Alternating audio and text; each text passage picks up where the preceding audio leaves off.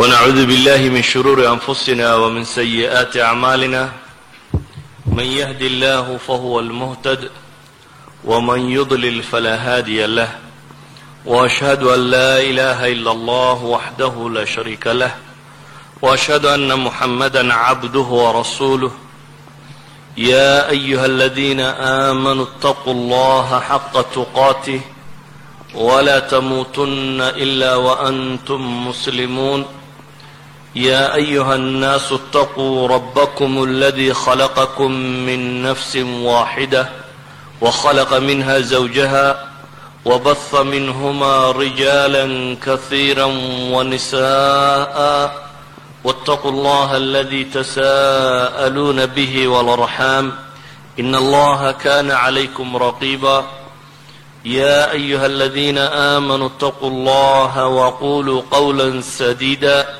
يصلح لكم أعمالكم ويغفر لكم ذنوبكم ومن يطع الله ورسوله فقد فاز فوزا عظيما أما بعد فإن أصدق الحديث كتاب الله وخير الهدي هدي محمد صلى الله عليه وآله وسلم شر الأمور محدثاتها وكل محدثة بدعة وكل بدعة ضلالة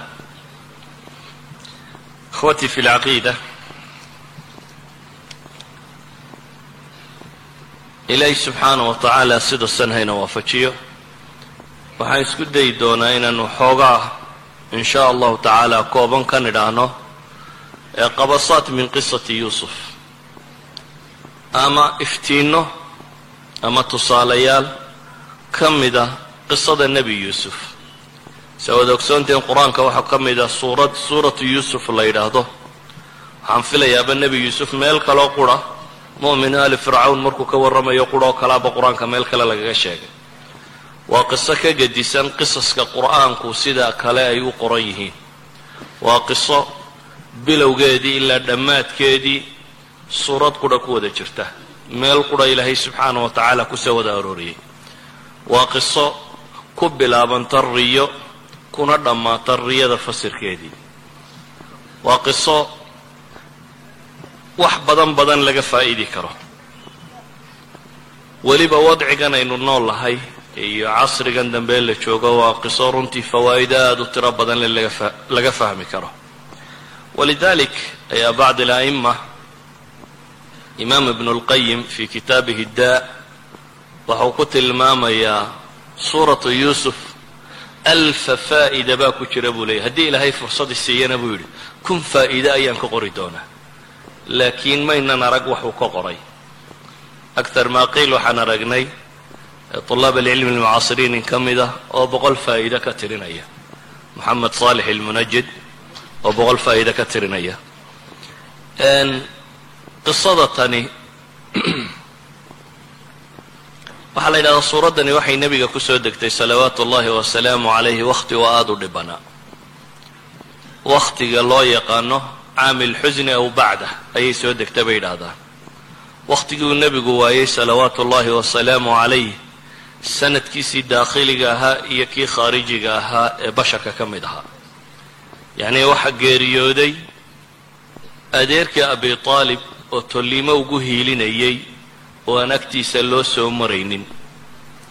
Waxaa isla sanadkaa geeriyooday haweenaydii wax walba la qaybsatay nebiga salawaatu ullaahi wasalaamu calayh ee uu nebigu intuu noolaaba xasuusteeda hayay ilaa iyo ay caayishi iyadoo geeriyootoo maqan ay caayishi ka qiiroonaysay ama ka hinaasaysay siduu nebigu u hadal hayo salawaatu ullahi wasalaamu calayh khadiija bintu khuwaylad ridwaan ullahi calayha oo ka mid ah kuwuu nebigu yidhi dumarka dhowr baa dhammaystirmay ay ka mid ahayd khadiiji.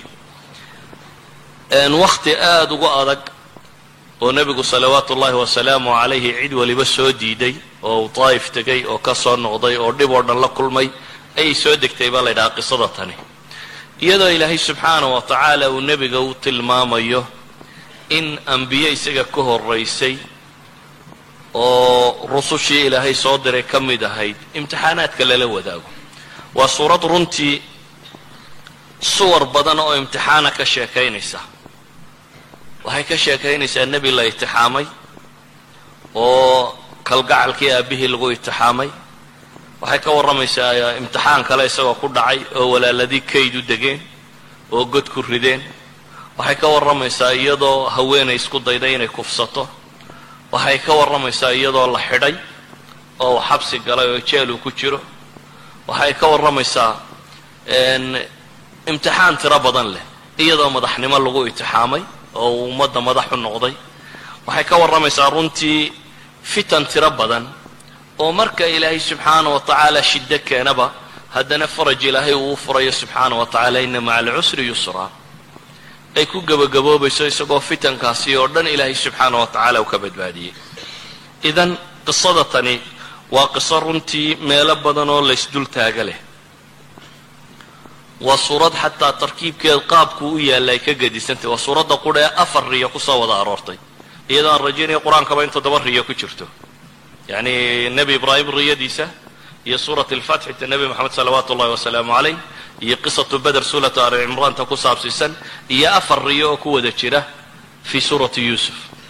Isagoo riyooday laba jeelka kula jiroo riyooday boqorkoo riyooday afar riyo oo ku wada soo arooray qisadatan qisada tani runtii waxyaabo tiro badan bay leedahay. Ilaahina subxaana wa tacala wuxuu ku tilmaamaya laqad kana fii qasasihim cibra liuli lalbaab ma kana xadiian yuftara. Ilaahay subxaana wa tacaala qisadatan waxyaabaha tirada badan le uu kaga warramayo. Waxaan jeclahay caawa inaynu deris ka mida qaadanno haddii ilaahay nolosha fusxo ka bixiyo oo ay suurto gasho jawaanib kale mar kalaynu ka eegi doonaa.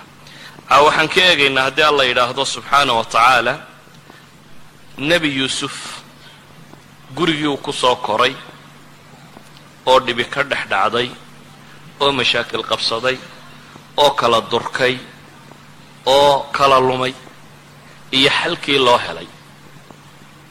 Ilahay qur'aanka wuxuu ku tilmaamaya laqad kana fii yuusufa wa ikhwatihi aayaat lisaa'iliin nebi yuusuf iyo walaaladiiba waxa idinku sugan baa ilaahay leeyahy subxaana wa tacaala aayaat baa ugu sugan.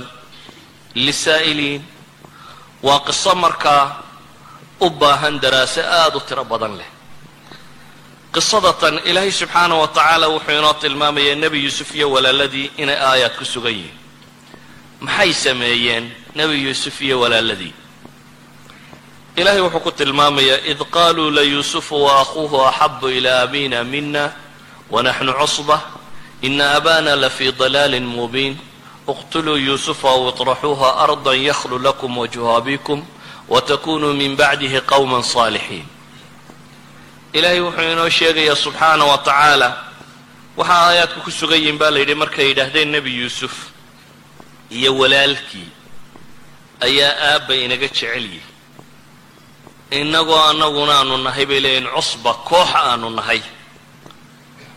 Ina abana la fii dalaalin mubiin. Aabba bay leeyihiin baadi cad ayuu qadiyaddan kaga sugan yahay. Mas'alada tanna aabbo masi ma asiibin bay leeyihiin waayo laba qof in cusba koox dhan laga jeclaadaa waa miisaan aan saxsanayn xasba dicaayihi. Awalan nebi yacquub waxay ku eedaynayaan inuu yuusuf iyo walaalkii ka jecel yihi horta jacaylku qalbiga dega ilaahay baa xukuma subxaana wa tacaala qulubta bini aadamka. Qofka muslimkaa waxaa saarani waa inuu cadaalad sameeyaa. Alcadaala laakiin qalbigu cidda uu raacayo ilaahay baa shaqo ku leh ilmaha aada dhashay inaad u cadaalad samaysaabaa korkaaga saaran. Laakiin basharku haddana ilmaha uu dhalay qalbigiisa way ku kala wen yihiin inaad u cadaalad samayso iyo inay qalbigaaga ku kala weynaadaan waa laba kala gedisan. Nin carbeed oo reer miyaba waxaa la yidhaha carruurtaada ayaad u jeceshahay. Kolba kii ugu yar ama baahi qaba buu yidhi. Yacni un odaygiiyo islaantu hadiyo goor waxa laga yaabaa ka yar unay siitidaanka ugu yar oo isaga loo dareemayo in dacf iyo dhibi hayso oo ay kaa soo dhoweeyaan asbaabo badan baa keena in carruurta la kala jeclaan karo. Waxaa laga yaabaa inay ku kala dhega nugul yihiin midna markuu yeedhaada maqlo inuu hooydu ka soo horrayso oo ku kuu yeedhayo. Midna waxaa laga yaabaa adigoo la hadlayaba inaanu dheg kuu raaricin. Idan inaad u cadaalad samaysaa waa shay. Kalgacalku laakiin waa masale kale. Walidalik baa nebi moxamed salawaatu ullahi wasalaamu calayh haweenkiisa wuu cadaalad samaynayay laakiin wuu kala jeclaa haddana dadka ayaad u jeceshahay baa la yidhi oo caaisha buu nebigu yidhi salawaatu ullahi wasalaamu caleyh ma qarsaninba dadka ayaad ugu jeceshay markii la yidhi caaisha ayuu yidhi. Dabeetana su'aal kaley ku celiyeen. Wuxuu yidhi aabaheed idan kuwa ugu jeclaa wuu sheegay laakiin haddana wuu cadaalad samaynayay markay cadaalad timaado oo isagoo buka ayuu wuxuu lahaa caawa xaggaan ahay isagoo xanuunsanayaa la siday nebiga. Xataa mabiidka inuu guri u hoydo wuxuu tijaabinayey isagoo buko oo la sido oo xanuunsanaya in garbaha la galo habeenba meel seexdo oo yidhaahda inaana caawa xaggaan ahay uu yidhaahdo. La yidhahdo guri heblaayaad ku beegantay. Markii dambe ay haweenkiisii u naxariisteen oo ay dareemeen nebigu salawaatu ullahi wasalaamu caleyh maadaama oo caaisho jeclaa inuu ku bukaankiisa lagu baxnaaniyo guriga caasho la dhigo oo halkaasi lagu baxnaaniyo. Yani waxaan uga jeedaa jacaylka qalbiga ah waxyaabo badan baa keena qofku inuu cid jeclaado amaa waajibka qofka saarani waa inuu cadaalad sameeyo. Yacquub may ahayn waadna kala jeceshaba in lagu eedeeyo xataa hadday jirto. Mar hadduu cadaalad samaynayo dembi maaha inuu qofku kala jeclaan karo. Laakiin ilmo yacquub waxay ismoodsiiyeen arrin ah yuusuf iyo walaalkii in loo kalgacal badan yahay oo yacquub u kalgacal badan yahay arrintaana waxay ku tilmaameen yacquub inuu baadinimo kaga sugan yahay. Waase iyagu sheegteen. Waxa uu qur'aanku markan inoo tilmaamaya masaa-isha amraad alquluub xanuunada qalbiga ku dhacaya siday khatarta u yihiin. Qofku hadduu qalbiga ka bukoodo oo hil iyo xaqd iyo xasad iyo buqdi iyo waxaasi hadday qalbiga galaan inay qoys xataa mujtamac ballaadhan ka kaalayo qoys inay dumin karaan oo ay kala dareerin karaan. Waxay masaladani tilmaamaysaa ilmo yacquub mas'aladani xadkay la gaadhay. Waxay la gaadhay inay soo jeedinteedu noqoto iqtuluu yuusufa aw itraxuuhu arda. Yuusuf in la dilo. Yuusuf jariimadu galay waa maxay? Madan buu galay. Xataa haddii yacquub buu ahaa ka wax jeclaaday yuusuf isaga waxbaba ma samaynin laakiin markay dadku xaasidnimada iyo xaqdiga iyo qalbigu markuu xumaado waxaa ku dhaca qofka indhala-aan mawaasiinta ka lunta sida wax loo qiimeeya xataa ma garta u. Walidalika ilma nabi yacquub waxay qaateen fikradda ah in la dilaba yuusuf yuusufkaa yar ee walaalkooda ee aan waxba geysanin in la dilo go'aanka ah bay qaateen. Waxay culammadu yidhaahdaan qofku hadday cadhadu ku biirta bay yidhaahdaan xiqdi bay isu rogtaa xiqdigu hadduu sii biiro bay yidhaahdeen. Xasdi buu isu rogaa. Idan waxay yidhahdaan culammadu waa maraatib isdaba taalla. Alcadaawa walbaqdaa min alghadab bay ka soo bilaabantaa bay yidhahdaan dabeetana xiqdi bay tagtaa. Kadibna xaasidnimay tagtaa.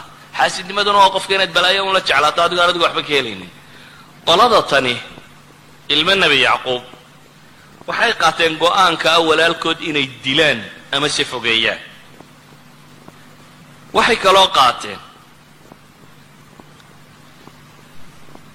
aw iطraxuuha arda yakhlu lakum wajhu abikum watakunuu min bacdihi qowma saalixiin balaayada u fiirso waxay leeyihiin aan ka takhallusno kan yar oo dillo ama fogayno oo lumino dabeetana shaytaanku waa cajiib insaanka markuu jariimada galayo wuu u fudaydiyaa jariimadan laba sababood buu ku fudaydiyey kow marka hore wuxuu ku fudaydiyey natiijada ka ratibmaysaa inay wanaagun tahay oo ah marka kan yar iyo walaalkiiba laga takhalluso waxa soo baxaya bay yidhahdeen yuusuf haddaynu ka takhallusno.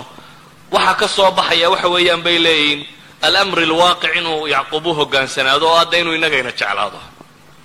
Waa wasiilo jacaylka yacquub lagu raadinayo dilku. Dil baa waxaa lagu raadinayaa maxay? Jacaylka nebi yacquub. Alamri alwaaqic bay leeyihiin odagu waa isaga hogaansami doonaa markaynu ka takhallusno yuusuf cid kale ma taale de inagunba alabnaa'i lwaxiidiin lilab aabbaha yacni carruurta qudhow haystaa waa innaga. Marka dee aabba carruurtiisa kama maarme wayna jeclaan doonaa. Marka waxay leeyihiin yakhlu lakum wajhu abikum aabba wejigiisa keli inoo noqonayo aynu ku keliyaysanayna shayطaanku markuu wax sawirayo ilmo nebi yacquub badiihiyaad waxyaabo fudud fudud oo aada u tiro badan buu ilowsiiyey wuxuu ilowsiiyey ma is odhanin war armaa jariimadiinuba muuqataa haddii aa fashishaan oo jariimadaba la ogaado yacquub miyuu jeclaan lahayaa markaa? Marka inankiisii dilaan. Ismay weydiinin. Ismay weydiinin aabbahood maxaa ku dhici doona jacayl badaayaar muu indhabeelaa oo mushkilad kale qabsataa. Ismay weydiinin. Ismay weydiinin mu'aamarada ama jariimada sida loo fulinayaa armay fuliba weyda oo sidii aad ugu tala gashay u socon weyda. Ismay weydiinin yacni wixii khayaaraad jiray oo dhan ixtimaalaad jiray oo dhan shaytaan wuxuu ka tusiyey mid quroo ah. Ismay weydiinin armuu ninkani dhimanba waayo o idinku soo noqda. Isagoo madaxa iyo waxaa la kulantaan. Waxaasoo dhan tirada kumay darin. Waxay ku xisaabtameenuun. Hadday jac iyo jac kaga siiyaan in kan yarina tegayo odayguna uu jeclaan doono arrinkuna uu hagaagi doono weliba waxay intaa ku dareen dee toobaduna ma foga bay yidhahdeen isaga markaynu ka takhallusno markaan baynu xajka tegaynaa soo weysaysanayna waa masala fudud. Watakunuu min bacdihi qawman saalixiin baa la leeyahy waxaa la sii bilaangaraynayaa marka isaga laga takhalluso kadib in la toobad keeni doono. Waa toobaduna dee tajuba maa qablahaayo inay fiicnaan doonaan. Saasaa balaan lagu dhigta mas'aladani waxa ay ku tusinaysaa marka insaanku marka uu dariiqa qaldan maro jaraa'imta sida uu u sawiraa ee uula fududahay. Waxa ay rabaan inay dilaan waa walaalkood. Xanuun qalbi unbaa ku dhacayoo colaad ah kay colaadda ku fulinayana ka takhallusayaan waa walaalkood. Waxay colaaddaa ku raadinayaanna waa aabbahood inay keli ku noqdaanoo uu jeclaado ayay ku raadcaynayaan dembiga xagga alle ka dhici doonana walaalkood isma weydiinayaan isaga iyo arrinkiisa laakiin dembiga xagga alle ka dhici doonana inay ka toobad keeni doonaan.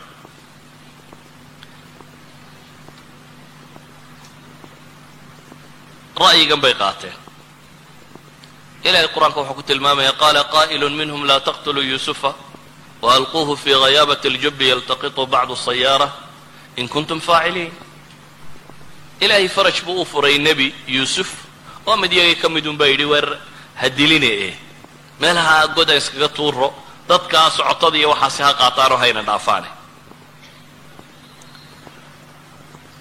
Bacda muxaawalaat sida qur'aanku tilmaamayo suuradda ma tafsiirayno laakiin meelahaynuu dan leynaynu tilmaami doonaa bacda muxaawalaat aabahood inay isku dayaan inay ku qanciyaan oo u warramaan oo ya abana ma laka laa ta'mana calaa yuusufa wainaa lahu lanaasixuun arsilhu adan maana arsilhu macana gadan yartac wayalcab wainaa lahu laxaafiduun qaala inii layaxzunanii an tadhabuu bih waakhaaf an yakulahu di'bu waantum canhu gaafiluun ilaahay subxaana wa tacaala wuxuu ka warramay waxay dood soo samaysteen iyo siday rabeen inay yuusuf u qaataan iyo aabbahood siduu u shakisnaaye uga warwarsanaaye kolba meel isu taagaya iyana isku dayeen godku istaagaba inay ka saaraan oo ra'yigooda ay ku fuliyeen qadiyaddii waa fuliyeen walaalkood god bay ku rideen. Nebi yuusuf wuxuu la kulmay mashkilad. Ah colaaday inay qabsato oo cid kaa foge hadday ku colaadiso waad qaadan kartaa laakiin kii kula dhashay inuu noqdo ka ku dilaya. Waxaad sawirtaa yuusuf oo ilmo yara oo walaaladii daclada hayaan oo meesha loo wada ay tahay in la tuuro oo dabeetana inta god lala tegay la sii wado oo aan weliba godka si caadiya loogu radayna khayaabat aljubbi saa ilaahay tilmaamayo. Meel madoowa wax qariso oo god ka sii mida la rabo in la sii geeyo oo arkaya walaaladiiyo intay isu kaashadeen midba dacal hayo god lagu sii ridayo. Haadihi suura maxay maskaxdiisa ku reebaysaa ilmaha yar ee haddana dareemaya iyagoo intay halkaa dhigeen u naxariisan ee kaga dhaqaaqay oo meesha kaga tegay. Qisada tani waxay tilmaamaysaa marka. Bukaanada qalbiga ah ee xaasidnimada iyo xaqdiga iyo qilliga iyo waxa la nooca ah. Hadday bulsho degaan oo mujtamacaadka dhexdooda ay degaan mujtamacaasi inuu noqdo mujtamac cafina mujtamac uraya oo burburaya mujtamac kala lumaya inuu noqonayo. Natiijadii falkan ay sameeyeen ilmo yacquub waxay noqotay in aabbahood inay keli ku noqdaan oo uu jeclaado daaye ilaahay subxaana wa tacaala uu tilmaamaya wabyadat caynaahu min alxusni fa huwa kadiib in indhuhu caddaadeen murugo iyo tiiraanyo daraaddeed inuu taagnaa inamaa ashkuu bathii wa xusnii ila allah odaygii taasaa ku dhacday waxay sababtay walaalkood oo yuusufi inuu god galo oo dabeetana godkii laga qaado oo kooxi kaxaysato oo dabeetana alkariim ibnu lkariim ibnu lkariim ibnu lkariim isagoo ah. Nin saddex nebi ku abtirsado isagoo ah. In dabeetana la addoonsaday. Alxor ibnulkariim isagoo ah. In la addoonsaday. In suuqa silaca wax lagu iibiye la geeyey washarawhu bitamanin baksin daraahima macduudatin wa kanuu fiihi min azaahidiin ilaahay tilmaamayo. Suuqa wax lagu kala gato. Ee iga gadyo kaa gadi maayo. Intaa iga dhaniyo iga sii isagoo ina nebiyo nebi dhalo nebi dhalo nebi dhalay inuu suuqaa tegay. Waxaa qur'aanku tilmaamayaa inuu addoonsigaasi ku dhacay. Waxa uu tilmaamayaa inay haweenaydii hungurayso isku dayda inay kufsato. Waxa uu tilmaamayaa in xabsi lagu riday.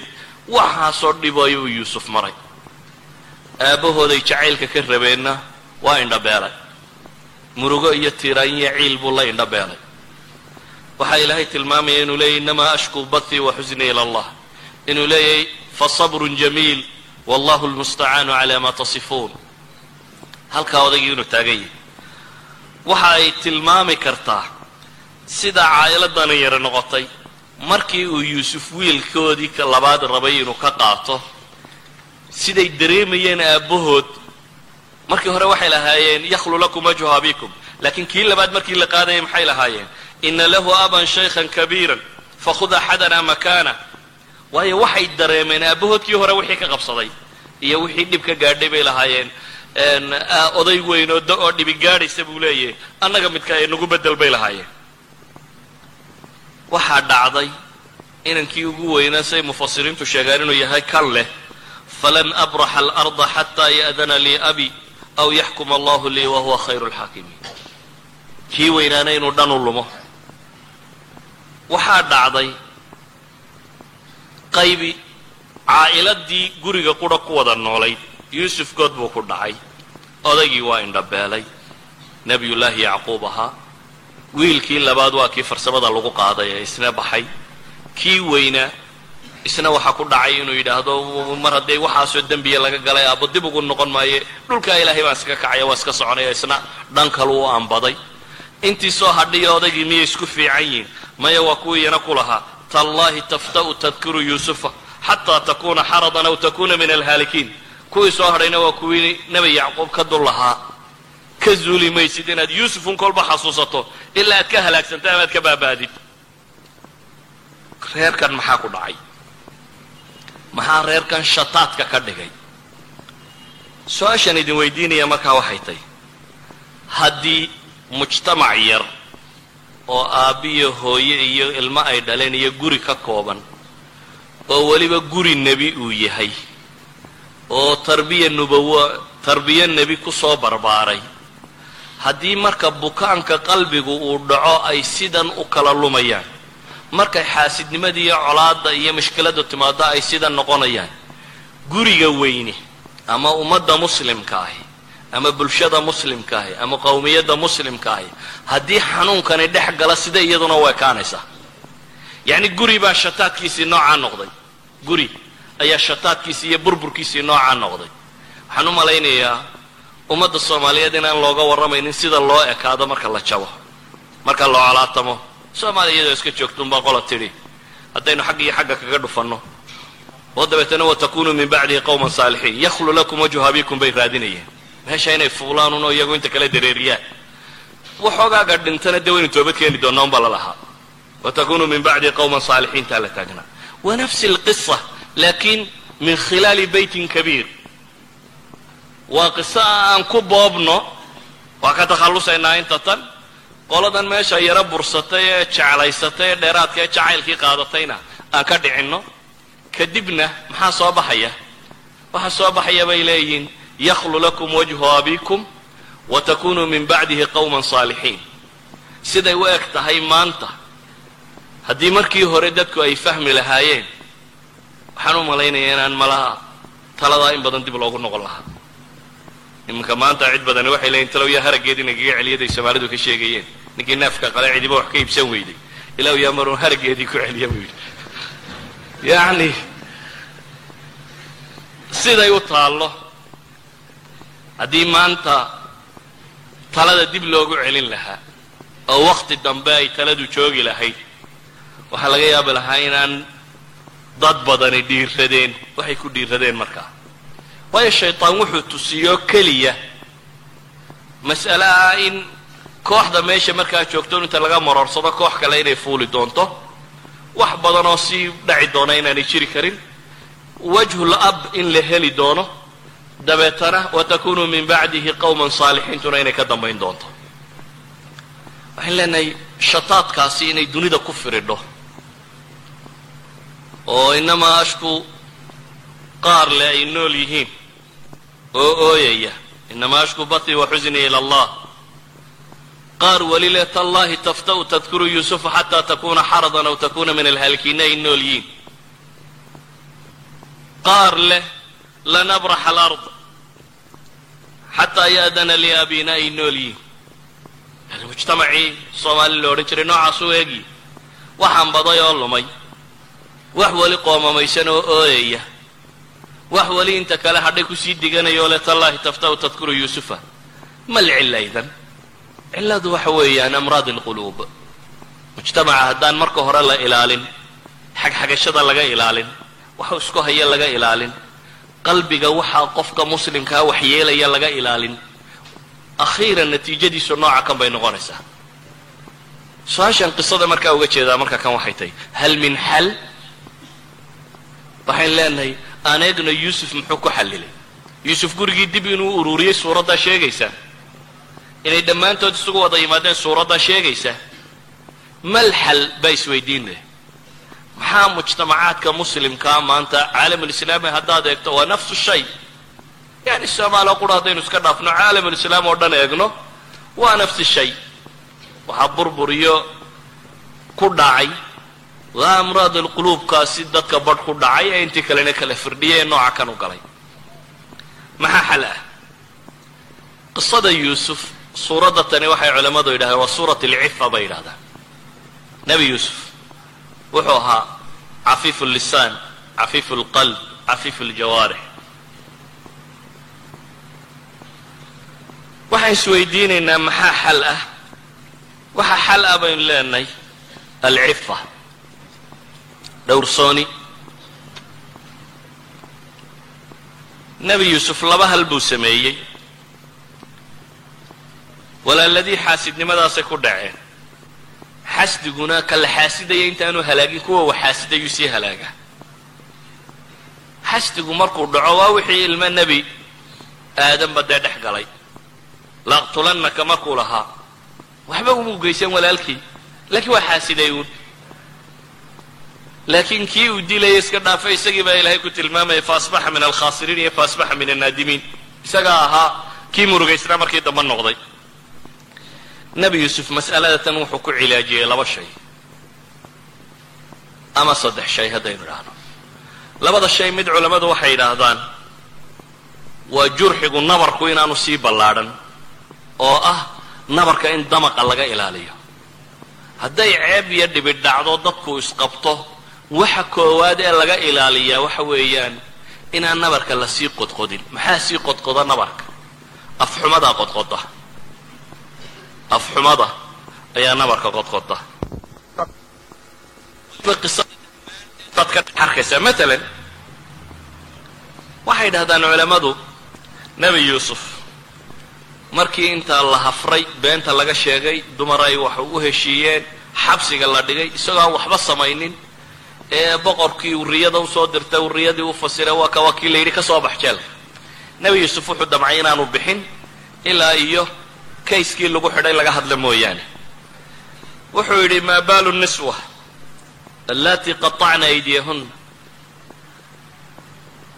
nebi yuusuf su'aal buu weydiinaya wuxuu leeya boqorkii u tago fas'alhu maa baalu niswat waxaad boqorka weydiisaa haweenkii gacmahooda googooyey ereygaa maxaa ku jira? Nebi yuusuf wuxuu xaq u lahaa inuu yidhahdo haweenkii isku dayay inay kufsadaan wuxuu xaq u lahaa inuu yidhahdo haweenaydaadii layga taag waayey. Xaaskaagii layga taag waayey arrinkeedii ka warran. Wuxuu xaq u lahaa dumarkii hafree beenaalayaasha ahaa ka warran. Wax haba yaraatee dhacdada lagu tilmaansaduu tilmaamay bay yidhaahdeen. Haba yaraatee kama warraminna wixii isaga lagu sameeyey ama wixii loo geystay. Magacoodna ma sheegin bay yidhahdeen waxay culammadu yidhahdaan cammama walam yusami bay yidhahdeen wuu caam yeelay cid gaarana muu magacaabin bay yidhaahdeen muxuu ilaalinayaa wuxuu ilaalinayaa bay yidhaahdeen inaanu cidna tajriixinin. Tajriixa tirada badan leh dadkaoo la dhaleeceeyo la caayo oo la maago oo la wadaa nabarka way sii ballaadhisaa. Qofkoo markuu gafaba aad sii qodqodo farta gelisay halkii uu ka gafayba aad farta sii gelisaa way sii dilaacisaa uun. Kala fogaanun bay sii keentaa.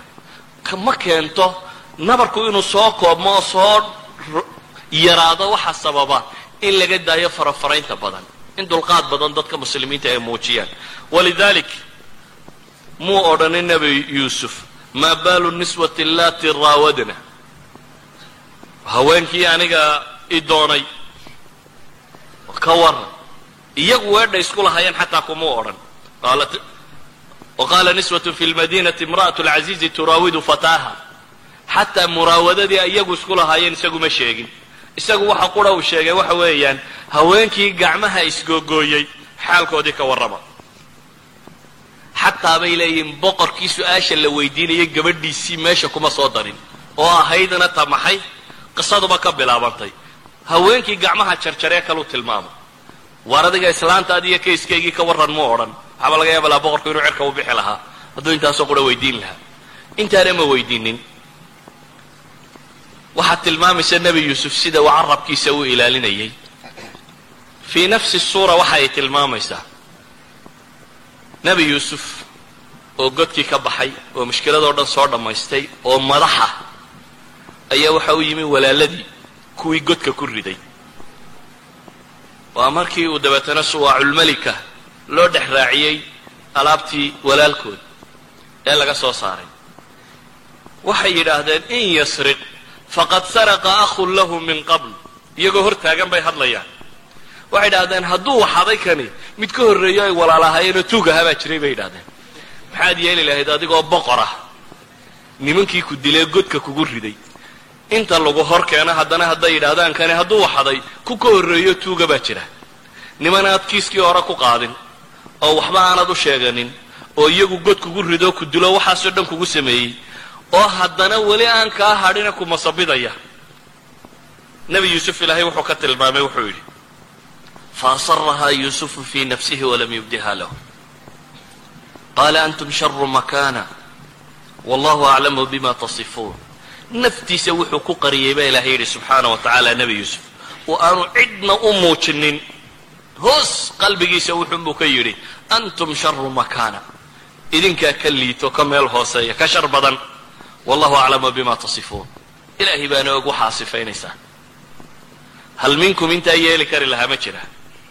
Hadday walaaladaa ku dilaan oo ay isku dayeen inay assassination kugu sameeyaan oo ay god kugu rideen oo dabeetana ilaahay madax kaa dhigay oo ad adigoo madaxa qabata iyagiio ay kuu yimaadaan oo haddana weli ay ku eedaynayaan iyagoon waxba kugu lahayn haddana ay eeddaa u taagan yihiin oo ay leeyihiin in yasriq faqad saraqa ahun lahu min qabl nebi yuusuf wuxuu ku gaabsaday baa ilaahay leeyay subxaana wa tacala inuu qalbigiisa inta ka yidhaahdo. Bale waxaa kugu filan nebi yuusuf waxay mufasiriintu yidhaahdaan marna iskuma dayin walaaladii inuu masaa'ilkan ku qaadqaado. Sida daraaddeed markuu ilaahay u baryayay ee ilaahay subxaana wa tacaala wuxuu gallad siiyey ilaahay uu ka warramayay wuxuu yidhi waqad axsana bii id akhrajanii min asijn wa jaءa bikum min albadw min bacdi an nazaqa ashayطaanu baynii wa bayna ikhwatii waxay yidhahdaan saddex masalo qariiba aayadda ku wada jira. Nebi yuusuf wuxuu leeyahy ilaahay wuxuu ii samafalay markuu jeelka iga soo saaray buu yidhi. Waxay culammadu yidhahdaan jeelka iyo godka iyoma xumaa jeelku waa meel dad ku nool iyo dad baa la joogay. Wa dakhala macahu sijna fatayaan. Qur'aanku wiilalbaabu tilmaamay la galay. Jeelka markuu galay nin dhallinyaro xooggan buu ahaa oo soo koray oo da' soo gaadhay. Jeelku waa meel dadka cunno lagu siiyo waa kanoo bashar lala kulmo. Amaa godku kow khayaabat iljubbi baa lagu riday meel madoobo goda baa lagu riday. Oo fog bay yidhaahdeen aan magaalada iyo meelaha kan ka oolin. Meel aan raashin iyo cunno iyo waxba toona oolin buu ahaa. Meel aan aniis iyo cid la gargaarsada iyo cidna joogin bay ahayd. Ilaahay markaad manooyinku kuu galay sheegayso waxaa la sheegaa dee kuwa waaweyn alla kuu galay waxay mufasiriintu yidhahdaan wuxuu dhowrayay khaatirada walaalkii. Walaaladii waxay ku sameeyeen inaanu xasuusinin oo isdhaafiyo. Dabeetana cadowgii wixii uu ku sameeyey ajeelkii ay ku rideen buu sheeg sheegay. Ee ma sheegin bay yidhahdaan walaaladii. Halkay ku rideen. Waxa uu sheegay markaa nimankii colka ahaayeene kale meeshay ku rideen. Iyaga markuu tilmaamay wuxuu uhi wajaءa bikum min albadu iyagu xaggay ka yimaadeen markii dambe ee reerka la ururinayay waxay yimaadeen toddobadii sannadood ee faqriga lagu jiray ee abaartu haysatay ee muu odhanin markii idinkuna caydha aad noqoteen idinkoo caydha alla iikiin keenay. Waayo iyaga abaar baa ku dhacayo waa kuwii caydhooba dee dhibtu qabsatay. Ma sheegin. Wuxuu yidhi markii ilaahay baadiyaa idinka keenay baadiyuu mar lagu barwaaqaysanya u caana iyo hilibba leeyay iyo beer iyo midhaba uu leeyay iyo mar lagu haraadanyayba waa jirtaa. Waa u camimay bay yidhaahdeene wuxuu tilmaamay maxay? Wajaءa bikum min albadu muxuu kale sheegay min bacdi an nazaqa shayطaanu baynii wa bayna ikhwatii shaydaan ma iyagu derderay mise yuusuf ma waxbuu ku lahaa dhibtii dhacday oo dhan waxba ma samaynin marnaba isagu wax ma samaynin saa ka muuqata qur-aanku kaga warramayo laakiin isagoo khaatirka walaaladii dhowrayabuu wuxuu yidhi baa la leeyay min bacdi an nazaqa shayطaanu baynii wa bayna ikhwatii markii shayطaan aniga iyo walaaladayna kala dhex galay nasqu shayطaan kaanamaa labadooda kooxood bau ku dhacay oo shayطaan buu eedana saaray. Wuxuu kaloo ka dhigay labadoodaba inuu dhex maray. Waxaasoo dhammi waxa ay sheegayaan bay culammadu leeyihiin wuxuu rabay lisaanka jariix carabkaagu hadduu noqdo mid dadka muda. Waxaad tahay qof wax firdhinaya ma tihid qof wax daaweynaya walidalik buu wuxuu iska ilaalinayay walaaladii inuu heshiisuun mar la geli doono oo ay dhici doonto inuu la heshiiyo. Sida daraaddeed nebi yuusuf dhaqankiisa waxaa ka tirsanaa mushkilada si uu xallilo inuu noqdo mid cafiifu lisaana. Carabkiisu mid aanu dadka xaganin inuu noqdo. Carabkiisu mid aanu dadka xaganin inuu noqdo. Dhibta iyo nabarada iyo boogaha dhaca waxa sii balaaliya gabayada iyo kaftanada iyo waa isjareexaynayna soomaalidu sheegto jareexadu de waa jareexa uun waa tajriix waa uun waa ismudaynaa la leeyahay waxaasi waxay sii ballaadhiyaan maxay? Bukaankii. Idan waxaynu leenahay nebi yuusuf si uu reerkan u ururiyo awalu shay uu adeegsaday waa maxay? Wuxuu ahaa yuusuf cafiifu lisaan. Lisaanka iyo cafiifnimadiisu. Hal qisaan nebi moxamed salawaatu ullahi wasalaamu caleyh idinka tilmaamaya. Xadiidkaa wada taqaaniin ee saxiixayn ku yaalla ee riyaad saalixiin ku yaalla macruufka ah. Yahuud baa nebiga u timi iyadoo caaishina fadhida. Dabeetana waxay ku yidhahdeen assaamu calaykum. Assaam geeriye korkaaga ha ahaata bay nebiga ku yidhahdeen intay u yimaadeen. Waxay iska dhigayaan inay salaamayaan oo assalaamu calaykum bay laamkii ka boodeen. Dabeetana assalaamu calaykum bay yidhahdeen geeriye korkaaga ahaato. Waa goorma waa nebigoo xaaskiisii la fadhiya salawaatu ullahi wasalaamu calayh. Ayaa la soo doontay oo adyad iyo gardarro inta lala soo doontay ayaa haddana la salaami maayo la habaaraya. Oo la leeyahay assalaamu calaykum.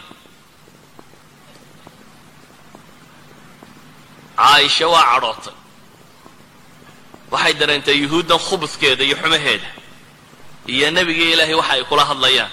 Dabeetana waxay tidhi wacalaykum assaamu wallacna idinka geeri iyo nacdashaa laba korkiina ha ahaata bay ku tidhi. Nebigu salawaatu ullaahi wasalaamu calayhi wuxuu ku yidhi caaishaay mu'minku ku af xun maaha ku faaxish iyo mutafaaxish midna maaha buu nebigu ku yidhi salawaatu ullahi wasalaamu caleyh. Caaisha way dooddo waxay tidhi ilahay rasuulkiisiyo miyaad maqlayn? Waxay ku hadlayaan. Waxay tidhi malaa nebigu saani uma maqal. Warkay qoladani sheegtay. Wuxuu nebigu ku yidhi waan maqlaya aniguna waxaan ku idhi wacalaykum xataa wacalaykum assaamu intay yidhaahdeen in leeg inuu yidhahdo uu iska diiday wuxuu ku koobsaday oo qura maxay? Wacalaykum ayaanana idhi buu leeyahy idinna korkiina ha ahaato haddaad salaan sheegteenna korkiina ha ahaato. Haddaad wax kala sheegteenna korkiina ha ahaato. Mujarad xataa inuu lafdigii soo celiyo ayuu nebigu salawaatu ullahi wasalaamu calayhi ka gaabsaday. Walidalik bu wuxuu leeyahy wacalaykum assaam faqad maxay taasi tilmaamaysaa? Waxay tilmaamaysaa qofka muslimka ah ee murabbiga ah ee la rabo inuu dad tarbiyeeyo kobciyo waxa laga rabo carabkiisu inuu ahaado.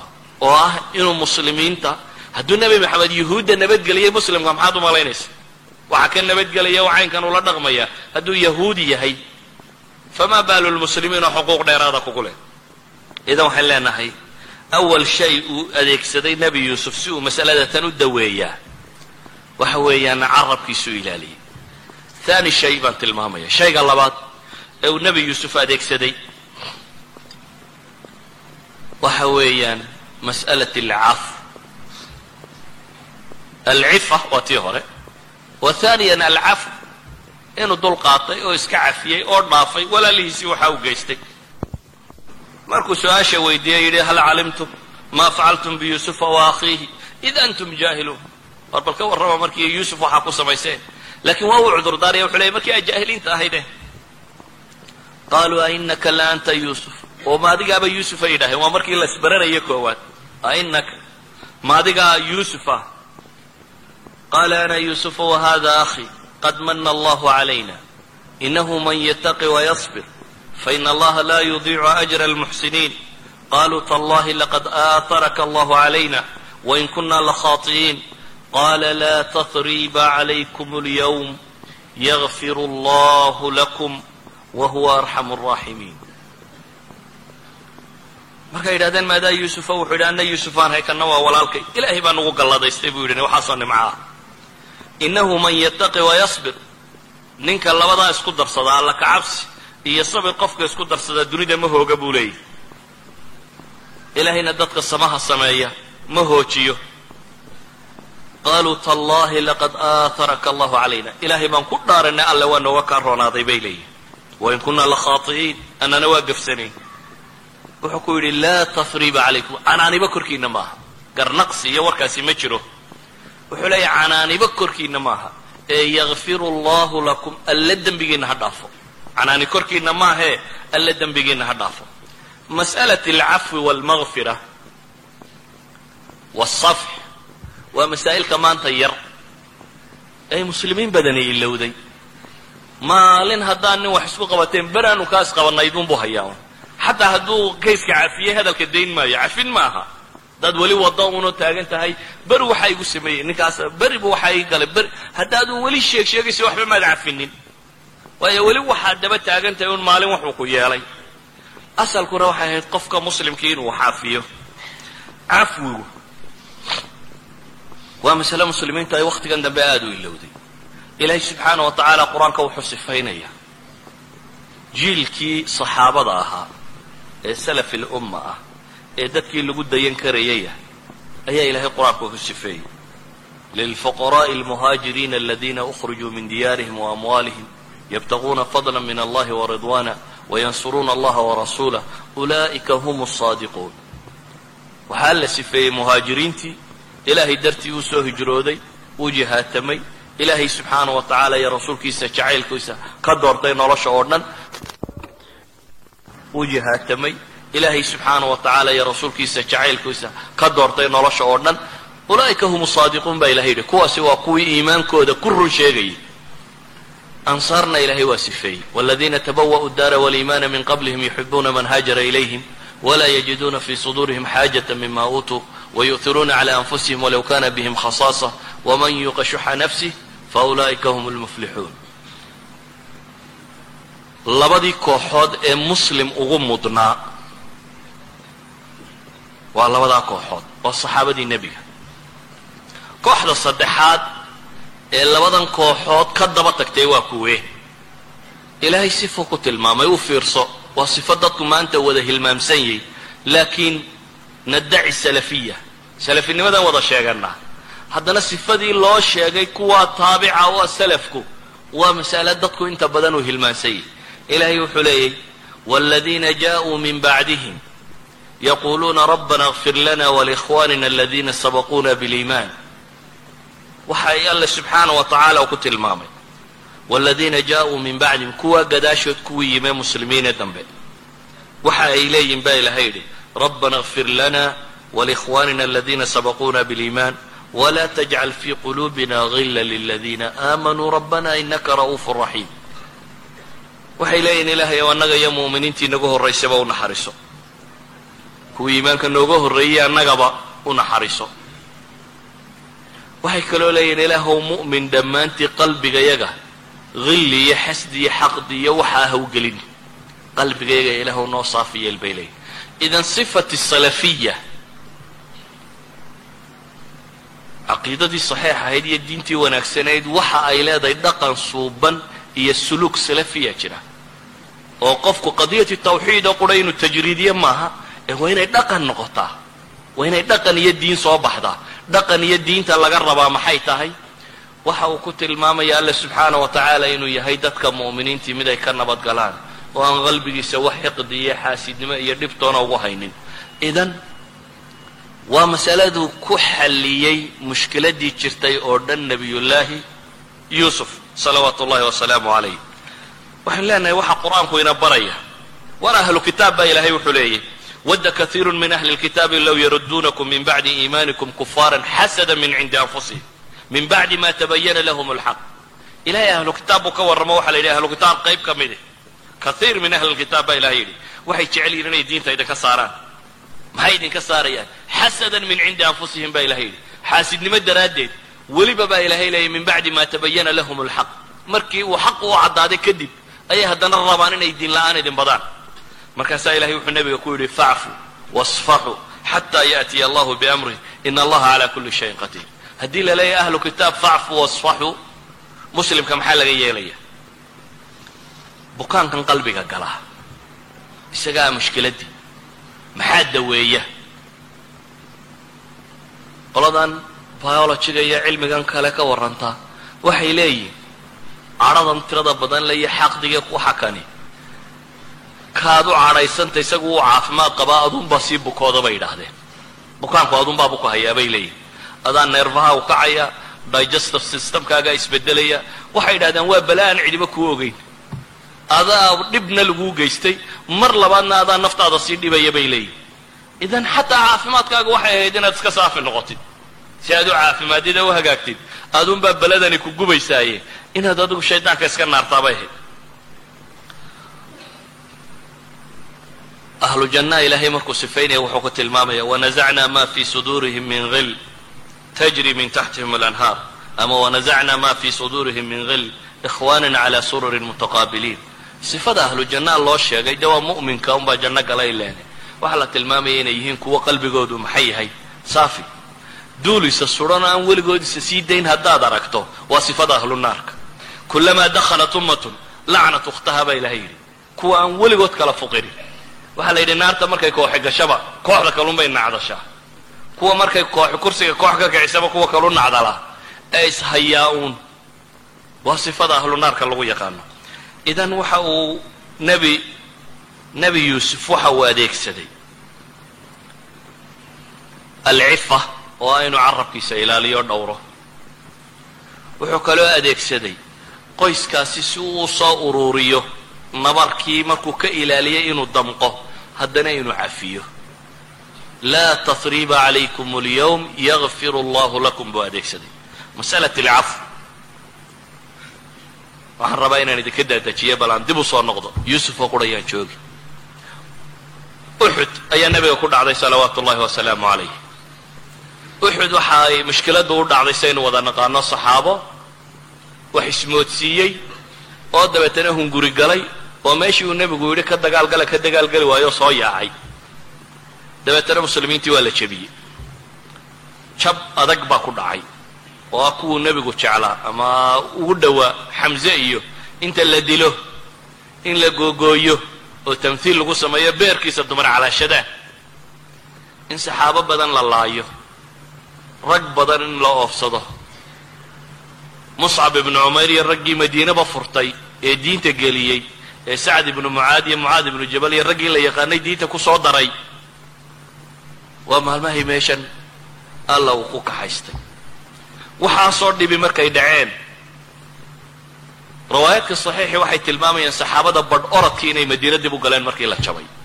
Ragga badh baa yaacay oo oradkii madiino galay. Waxaasoo mashaakila dhacay.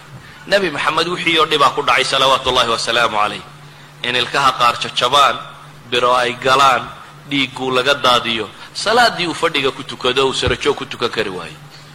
Waxaasoo mashkiladii iyadoo dhacday ayaa ilaahay qur'aan soo dejiyey.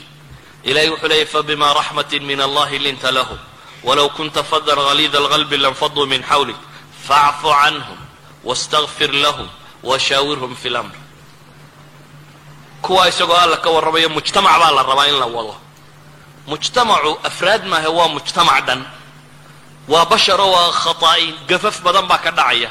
Nooc walba way isugu jiraan. Laakiin dadka qaadadee la rabo inay ummad hogaamiyaan inay ummad culamo u noqdaan inay ummad madax u noqdaan inay ummad kaxayn karaan waa inay noqdaan dad aan tirsiista aqoonin iyo ficiltanka waa inay noqdaan dad cafiskooda uu ballaadhan yahay. Walidalik baa ilaahay wuxuu nabiga ku leeyahay haddii aan naxariis alle qalbigaaga dejin oo aad tahay mid dabeecad adagoo kakan oo qalbi adag. Dadkuba waa kaa yaaci lahaa baa ilahay leeyay walow xaqna sheege. Dabeetana ilaahay wuxuu nabiga amray maxay? Facfu canhum baa layidhi. Kuwaa dagaalkii kaaga baxay iyo kuwaa jabay ee baqay ee madiino oradka ku galay iyo waxaasoo dhan baa ilahay yidhi facfu canhum. Dhaaf iska cafi.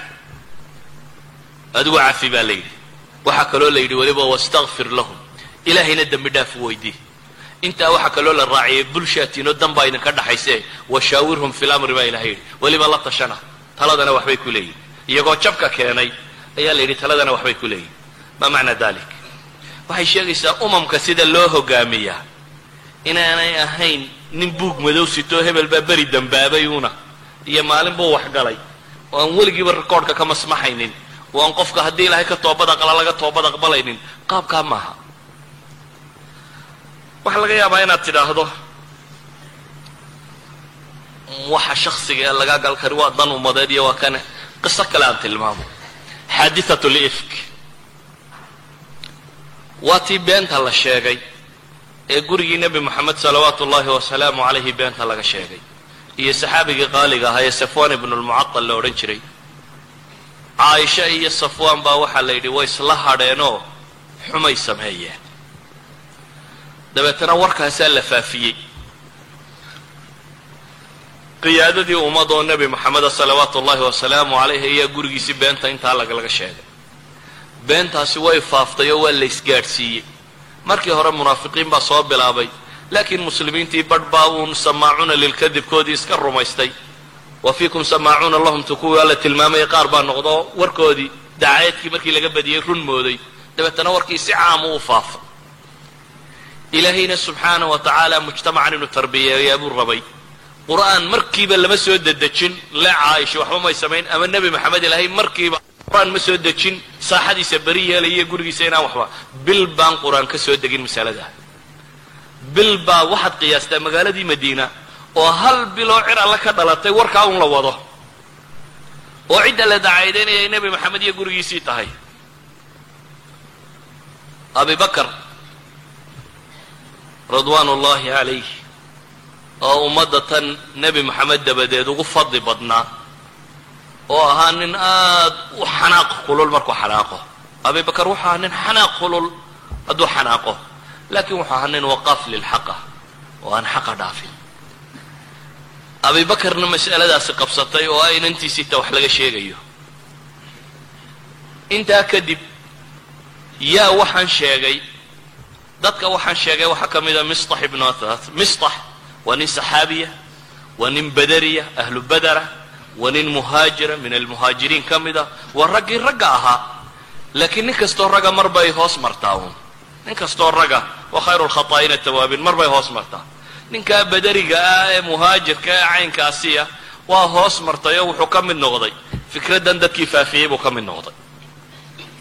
Khata'a intaa leeg buu galay oo fikraddan raggii faafiyey ayuu ka mid noqday. Mistax waa mid kale abi bakar qaraabuu la wadaagaa oo hooyadii mistax hooyadii iyo abi bakar baa habar wadaago laba walaalii kala dhaleen. Marka abi bakar waalid buu u yihi inantana caaisha iyo markaa mistax laba habar wadaagaa kala dhashay. Qaraabay caaisha yihi waa mar saddexaade mistax iyo hooyadiiba waxay ka mid yihiin dadka uu abibakar masruufo. Abibakar nin muslim oo hantiilaa buu ahaan jiray. Wuxuu kaloo ahaa muslimiinta dadka ugu waxbixin badan. Waa kii cumar lahaa maalin baa is la beratanoo waxaan is idhi maanta xoolaad haysataa intaad laba u kala qaybiso nuskeen. Dabeetana waan imo abibakar waxaa la yidhi maxaad keentay xoolahaagiiyo wixiiba? buu yidhi. Carruurtii maxaad uga timi ilaah rasuulkii? buu yidhi. Maalintaasaan go'aansaday buu yidhi inaan ninkan gaadhayn oo dib ula beratabin aniguna nus baan meesha la socdaa buu leeyay isna wixiisiiba uu keenay marka wuxuu ahaa nin aad u deeq badan abibakar oo muslimiinta wax siiya. Mistax iyo hooyadiiba markaa isagaa biilin jiray. Abibakar markaa maxaa wada haysta? Waxaa wada haysta nin uu isagu quudiyo oo isagii haddana dacayadaynayay reerkii. Nin uu tol iyo qaraabo yihiinoo waalid uu yahay oo isagii dacayadaynaya nin muslimoo muhaajiroo badariya oo intaasoo dhan diin soo wada galeen oo haddana isaga reerkiisii sheegaya. Abibakar masaladii wuu qaadan kari waayey. Marka ilaahay qur'aan soo dejiye la tilmaamay in arrinku saa yahay. Abibakar way ku adkaatay inuu liqo ninkan arrinkiisa. Ninka intaasoo dhan midnaba xeerin waayey.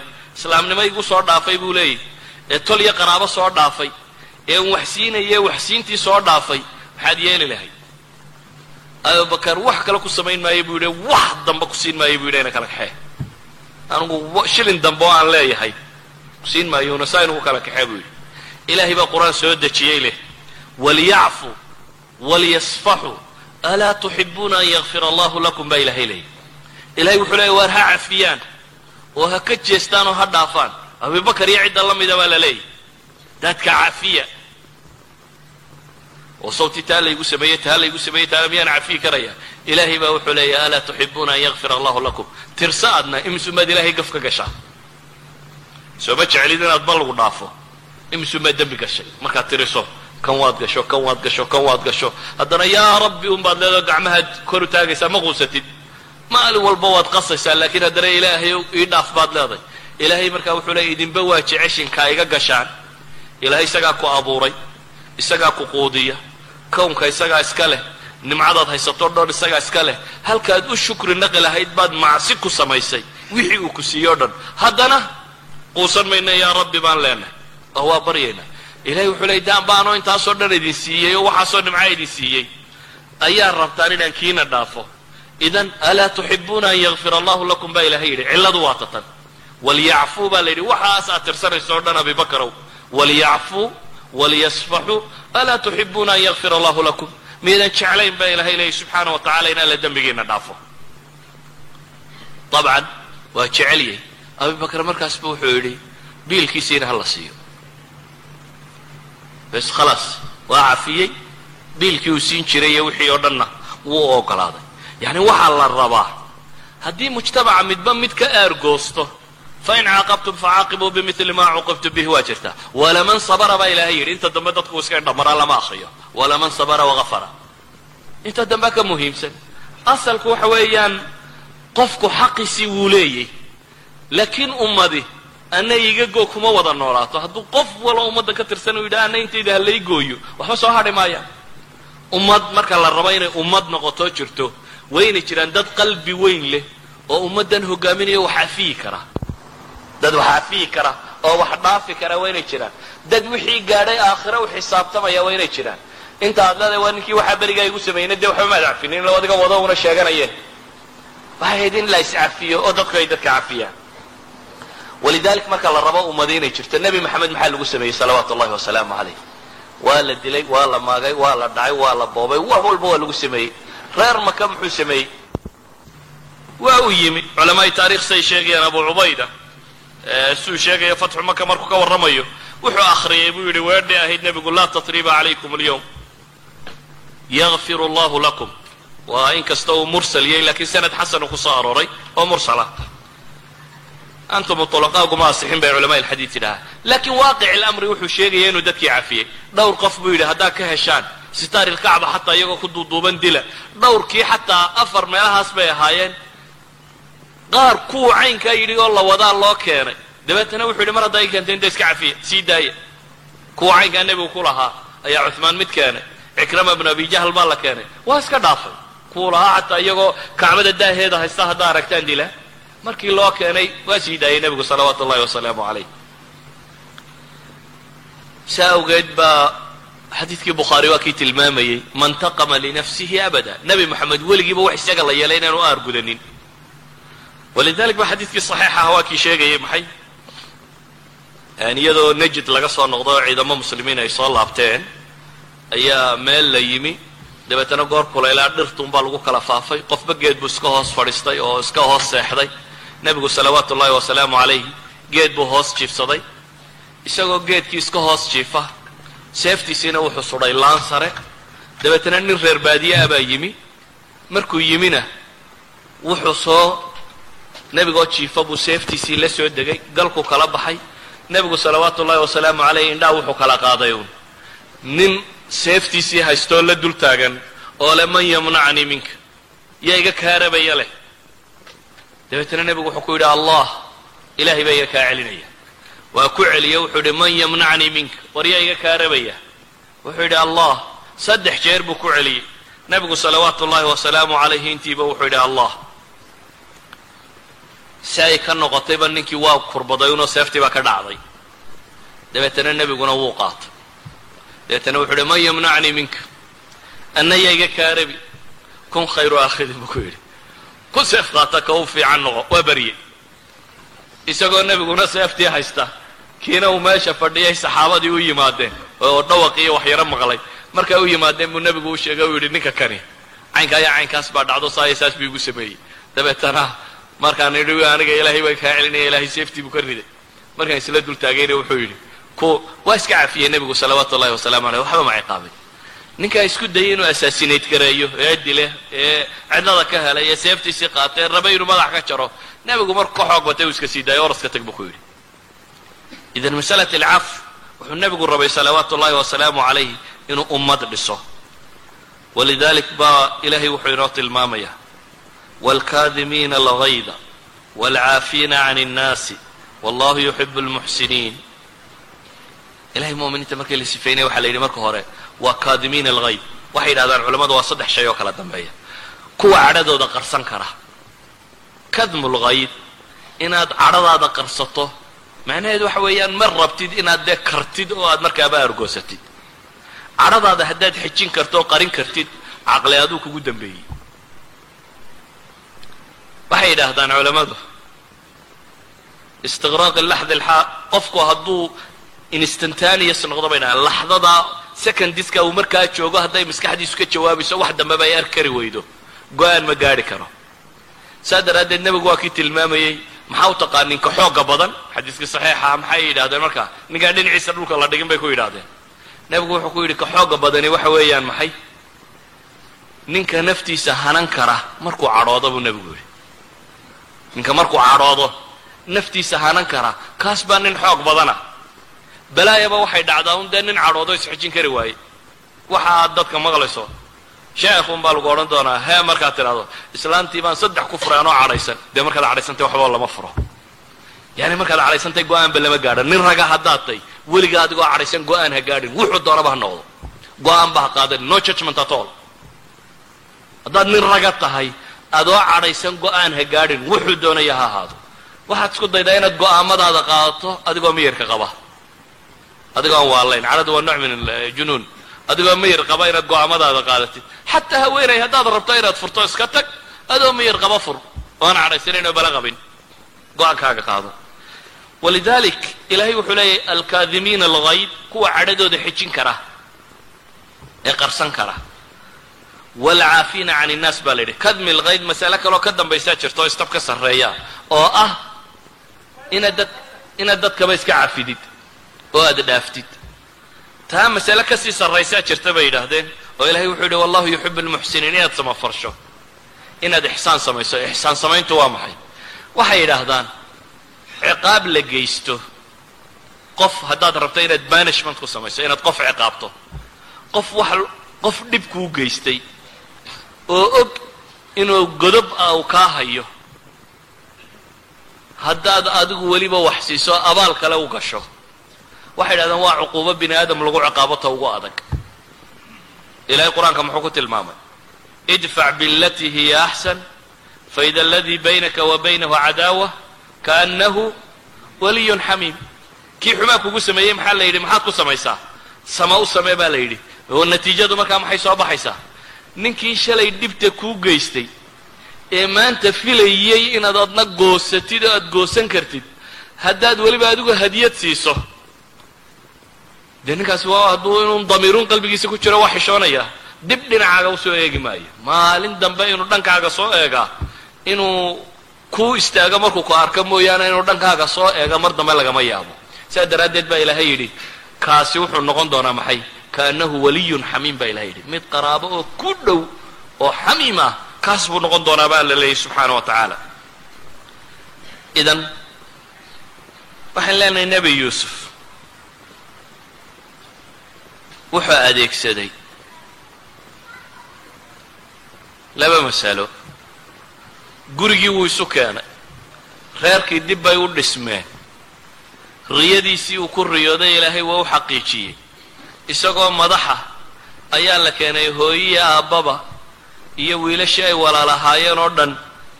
Dabeetana reer banu israa'iil guulaha loo tilmaamo waa halkay ka soo bilaabeen. Qoyskan baa reer banu israa'iil ka bilaabmeen waxay bilaabmeen iyagoo mucasiziina oo mukaramiina inay soo degaan masar.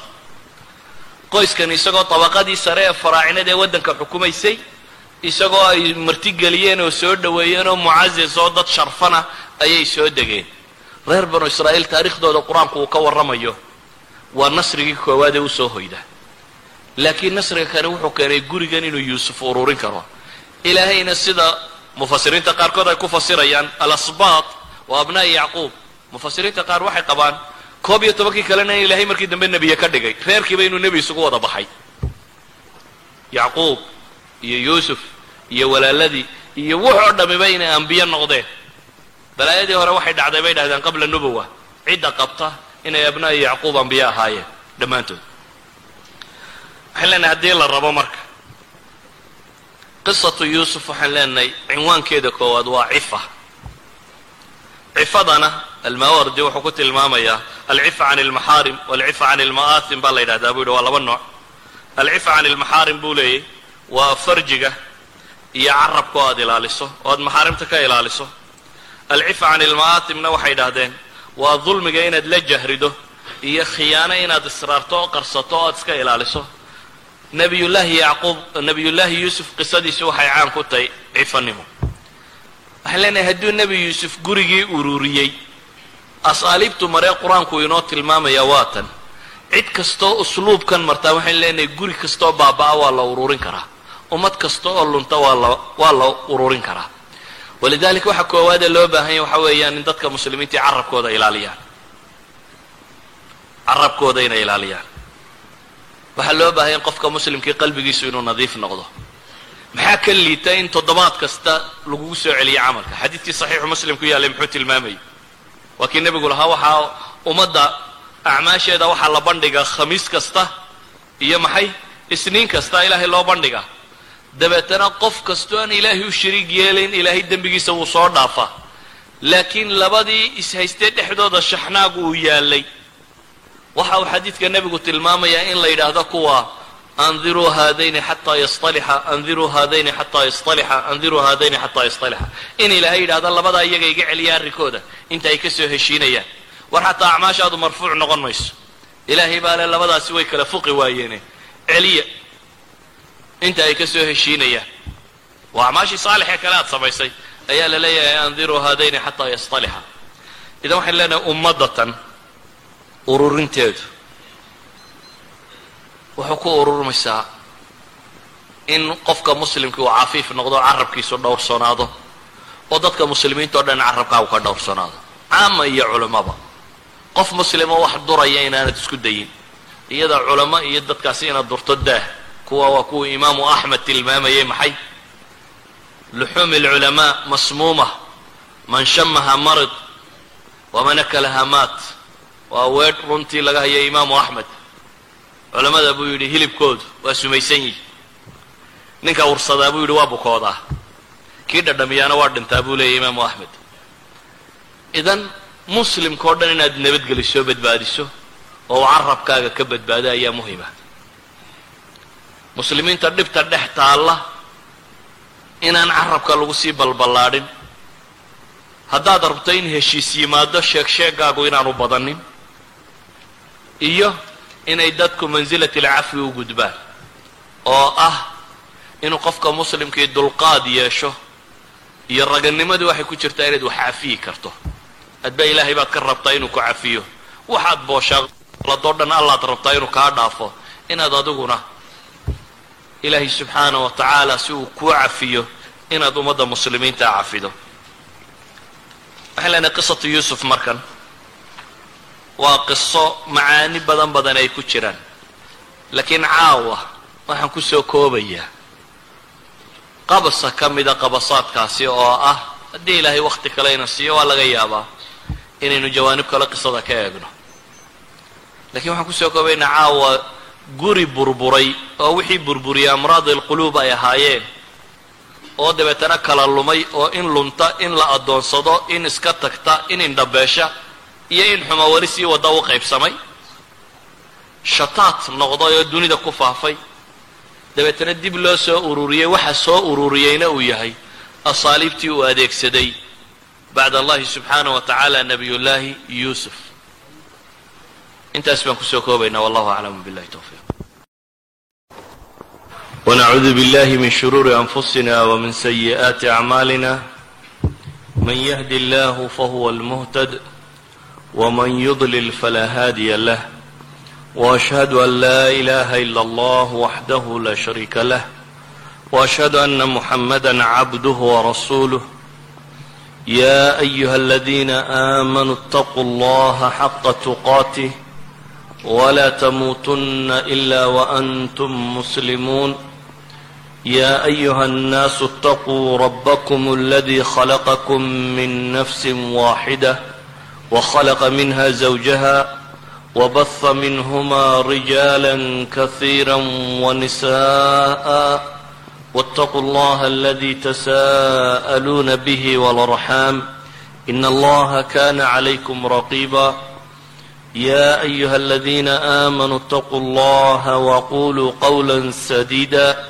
يصلح لكم أعمالكم ويغفر لكم ذنوبكم ومن يطع الله ورسوله فقد فاز فوزا عظيما أما بعد فإن أصدق الحديث كتاب الله وخير الهدي هدي محمد صلى الله عليه وآله وسلم شر الأمور محدثاتها وكل محدثة بدعة وكل بدعة ضلالة إخوتي في العقيدة ilaahay subxaana wa tacaala sida san hayna waafajiyo. Waxaan isku dayi doonaa inaanu xoogaa in shaa allahu tacaala kooban ka nidhaahno ee qabasaat min qisati yuusuf. Ama iftiinno ama tusaalayaal ka mida qisada nebi yuusuf. Saa wada ogsoonteen qur'aanka waxaa ka mid a suurad suuratu yuusuf la yidhaahdo. Waxaan filayaaba nebi yuusuf meel kaloo qura mu'min ali fircawn markuu ka warramayo quroo kalaaba qur'aanka meel kale lagaga sheegay. Waa qiso ka gedisan qisaska qur'aanku sida kale ay u qoran yihiin. Waa qiso bilowgeedii ilaa dhammaadkeedii suurad qura ku wada jirta. Meel qura ilaahay subxaana wa tacaala ku soo wada arooriyey. Waa qiso ku bilaabanta riyo kuna dhammaata riyada fasirkeedii. Waa qiso wax badan badan laga faa'idi karo. Weliba wadcigan aynu nool lahay iyo casrigan dambe la joogo waa qiso runtii fawaa'ido aada u tiro badan le laga fahmi karo. Walidalik ayaa bacd ala'ima imaam ibnu اlqayim fi kitaabihi daa waxau ku tilmaamayaa suuratu yuusuf alfa faa'ida baa ku jira buu leeyay haddii ilaahay fursadii siiyana buu yidhi kun faa'iide ayaan ka qori doonaa laakiin maynan arag waxuu ka qoray. Aktar maa qiil waxaan aragnay طulaab alcilmi almucaasiriin in ka mid ah oo boqol faa'iide ka tirinaya. Moxamed saalix ilmunajid oo boqol faa'iide ka tirinaya. Qisada tani waxaa la yidhahdaa suuraddani waxay nebiga ku soo degtay salawaatu ullahi wasalaamu calayhi wakhti oo aada u dhibanaa wakhtiga loo yaqaano caamil xusni aw bacdah ayay soo degta bay yidhaahdaan wakhtigii uu nebigu waayey salawaatu ullahi wasalaamu calayh sanadkiisii daakhiliga ahaa iyo kii khaarijiga ahaa ee basharka ka mid ahaa. Yacnii waxaa geeriyooday adeerkii abi taalib oo tolliimo ugu hiilinayay oo aan agtiisa loo soo maraynin. Waxaa isla sanadkaa geeriyooday haweenaydii wax walba la qaybsatay nebiga salawaatu ullaahi wasalaamu calayh ee uu nebigu intuu noolaaba xasuusteeda u hayay ilaa iyo ay caayishi iyadoo geeriyootoo maqan ay caayisho ka qiiroonaysay ama ka hinaasaysay siduu nebigu u hadal hayo salawaatu ullahi wasalaamu calayh. Khadiija bintu khuwaylad ridwaan ullahi calayha oo ka mid ah kuwuu nebigu yidhi dumarka dhowr baa dhammaystirmay ay ka mid ahayd khadiiji wakhti aada uga adag oo nebigu salawaatu ullaahi wasalaamu calayhi cid waliba soo diiday oo uu daa'if tegay oo ka soo noqday oo dhib oo dhan la kulmay ayay soo degtay baa la ydhahaa qisada tani. Iyadoo ilaahay subxaana wa tacaala uu nebiga u tilmaamayo in ambiye isaga ka horaysay oo rusushii ilaahay soo diray ka mid ahayd imtixaanaadka lala wadaago. Waa suurad runtii suwar badan oo imtixaana ka sheekaynaysa waxay ka sheekaynaysaa nebi la itixaamay oo kalgacalkii aabbihii lagu itixaamay. Waxay ka warramaysaa imtixaan kale isagoo ku dhacay oo walaaladii kayd u degeen oo god ku rideen. Waxay ka warramaysaa iyadoo haweenay isku dayday inay kufsato. Waxay ka warramaysaa iyadoo la xidhay oo uu xabsi galay oo jeel uu ku jiro. Waxay ka warramaysaa imtixaan tiro badan leh iyadoo madaxnimo lagu itixaamay oo uu ummadda madaxu noqday. Waxay ka warramaysaa runtii fitan tiro badan oo marka ilaahay subxaana wa tacaala shiddo keenaba haddana faraj ilaahay uu u furayo subxaana wa tacaala ina maca alcusri yusraa ay ku gebagaboobayso isagoo fitankaasi oo dhan ilaahay subxaana wa tacaala uu ka badbaadiyey. Idan qisada tani waa qiso runtii meelo badan oo laysdul taaga leh waa suurad xataa tarkiibkeed qaabku u yaalla ay ka gedisantay waa suuradda qudha ee afar riyo ku soo wada aroortay. Iyadoo aan rajaynaya qur'aankaba in toddoba riyo ku jirto. Yacni nebi ibraahim riyadiisa iyo suurat alfatxi nebi moxamed salawaatu ullahi wasalaamu calayh iyo qisatu beder suuratu ali cimraanta ku saabsiisan iyo afar riyo oo ku wada jira fii suurati yuusuf. Isagoo riyooday laba jeelka kula jiroo riyooday boqorkoo riyooday afar riyo oo ku wada soo arooray qisada tan qisada tani runtii waxyaabo tiro badan bay leedahay. Ilaahina subxaana wa tacala wuxuu ku tilmaamaya laqad kana fii qasasihim cibra liuli lalbaab ma kana xadiidan yuftara. Ilaahay subxaana wa tacaala qisada tan waxyaabaha tirada badan le uu kaga warramayo waxaan jeclahay caawa inaynu deris ka mida qaadanno haddii ilaahay nolosha fusxo ka bixiyo oo ay suurto gasho jawaanib kale mar kalaynu ka eegi doonaa a waxaan ka eegaynaa haddii alla yidhaahdo subxaana wa tacaala nebi yuusuf gurigii uu ku soo koray oo dhibi ka dhex dhacday oo mashaakil qabsaday oo kala durkay oo kala lumay iyo xalkii loo helay. Ilahay qur'aanka wuxuu ku tilmaamaya laqad kana fii yuusufa wa ikhwatihi aayaat lisaa'iliin. Nebi yuusuf iyo walaaladiiba. Waxa idinku sugan baa ilaahay leeyahy subxaana wa tacaala. Aayaad baa ugu sugan. Lisaa'iliin. Waa qiso markaa u baahan daraaso aada u tiro badan leh. Qisada tan ilaahay subxaana wa tacaala wuxuu inoo tilmaamayaa nebi yuusuf iyo walaaladii inay aayaad ku sugan yihiin. Maxay sameeyeen nebi yuusuf iyo walaaladii ilaahay wuxuu ku tilmaamayaa id qaaluu layuusufu wa akhuuhu axabu ilaa abina mina wanaxnu cusba ina abana lafii dalaalin mubiin.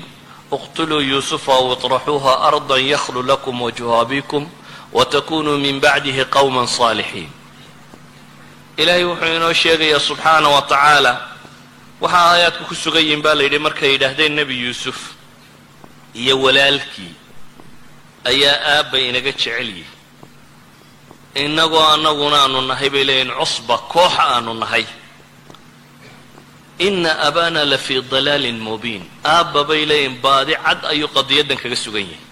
Mas'alada tanna aabbo masi ma asiibin bay leeyihiin waayo laba qof in cusba koox dhan laga jeclaadaa waa miisaan aan saxsanayn xasba iddicaayihim awalan nebi yacquub waxay ku eedaynayaan inuu yuusuf iyo walaalkii ka jecel yahay. Horta jacaylku qalbiga dega ilaahay baa xukuma subxaana wa tacaala qulubta bini aadamka qofka muslimkaa waxaa saarani waa inuu cadaalad sameeyaa. Alcadaala laakiin qalbigu cidda uu raacayo ilaahay baa shaqo ku leh. Ilmaha aada dhashay inaad u cadaalad samaysaabaa korkaaga saaran. Laakiin basharku haddana ilmaha uu dhalay qalbigiisa way ku kala wen yihiin inaad u cadaalad samaysiyo inay qalbigaaga ku kala weynaadaan waa laba kala gedisan. Nin carbeed oo reer miyaba waxaa la yidhaha carruurtaada ayaad u jeceshahay. Kolba kii ugu yar ama baahi qaba buu yidhi. Yacni un odaygiiyo islaantu hadiyo goor waxa laga yaabaa ka yar unay siitidaanka ugu yar oo isaga loo dareemayo in dacf iyo dhibi hayso oo ay kaa soo dhoweeyaan. Asbaabo badan baa keena in carruurta la kala jeclaan karo. Waxaa laga yaabaa inay ku kala dhega nugul yihiin midna markuu yeedhaada maqlo inuu hooydu ka soo horrayso oo ku kuu yeedhayo midna waxaa laga yaabaa adigoo la hadlayaba inaanu dheg kuu raaricin. Idan inaad u cadaalad samaysaa waa shay kalgacalku laakiin waa masale kale. Walidalik baa nebi moxamed salawaatu ullahi wasalaamu calayh haweenkiisa wuu cadaalad samaynayay laakiin wuu kala jeclaa haddana. Dadka ayaad u jeceshahay baa la yidhi caaisha buu nebigu yidhi salawaatu ullahi wasalaamu caleyh ma qarsaninba dadka ayaad ugu jeceshay markii la yidhi caaisha ayuu yidhi dabeetana su'aal kale ay ku celiyeen. Wuxuu yidhi aabaheed idan kuwa ugu jeclaa wuu sheegay. Laakiin haddana wuu cadaalad samaynayay markay cadaalad timaado oo isagoo buka ayuu wuxuu lahaa caawa xaggaan ahay isagoo xanuunsanayaa la siday nebiga. Xataa mabiidka inuu guri u hoydo wuxuu tijaabinayey isagoo buko oo la sido oo xanuunsanaya in garbaha la galo habeenba meel seexdo. Oo u yidhaahda inaana caawa xaggaan ahay uu yidhaahdo. La yidhahdo guri heblaayaad ku beegantay markii dambe ay haweenkiisii u naxariisteen oo ay dareemeen. Nebigu salawaatu ullahi wasalaamu caleyh maadaama oo caaisho jeclaa inuu ku bukaankiisa lagu baxnaaniyo guriga caasho la dhigo oo halkaasi lagu baxnaaniyo. Yani waxaan uga jeedaa jacaylka qalbiga ah waxyaabo badan baa keena qofku inuu cid jeclaado. Amaa waajibka qofka saarani waa inuu cadaalad sameeyo. Yacquub may ahayn waadna kala jeceshayba in lagu eedeeyo xataa hadday jirto mar hadduu cadaalad samaynayo dembi maaha inuu qofku kala jeclaan karo.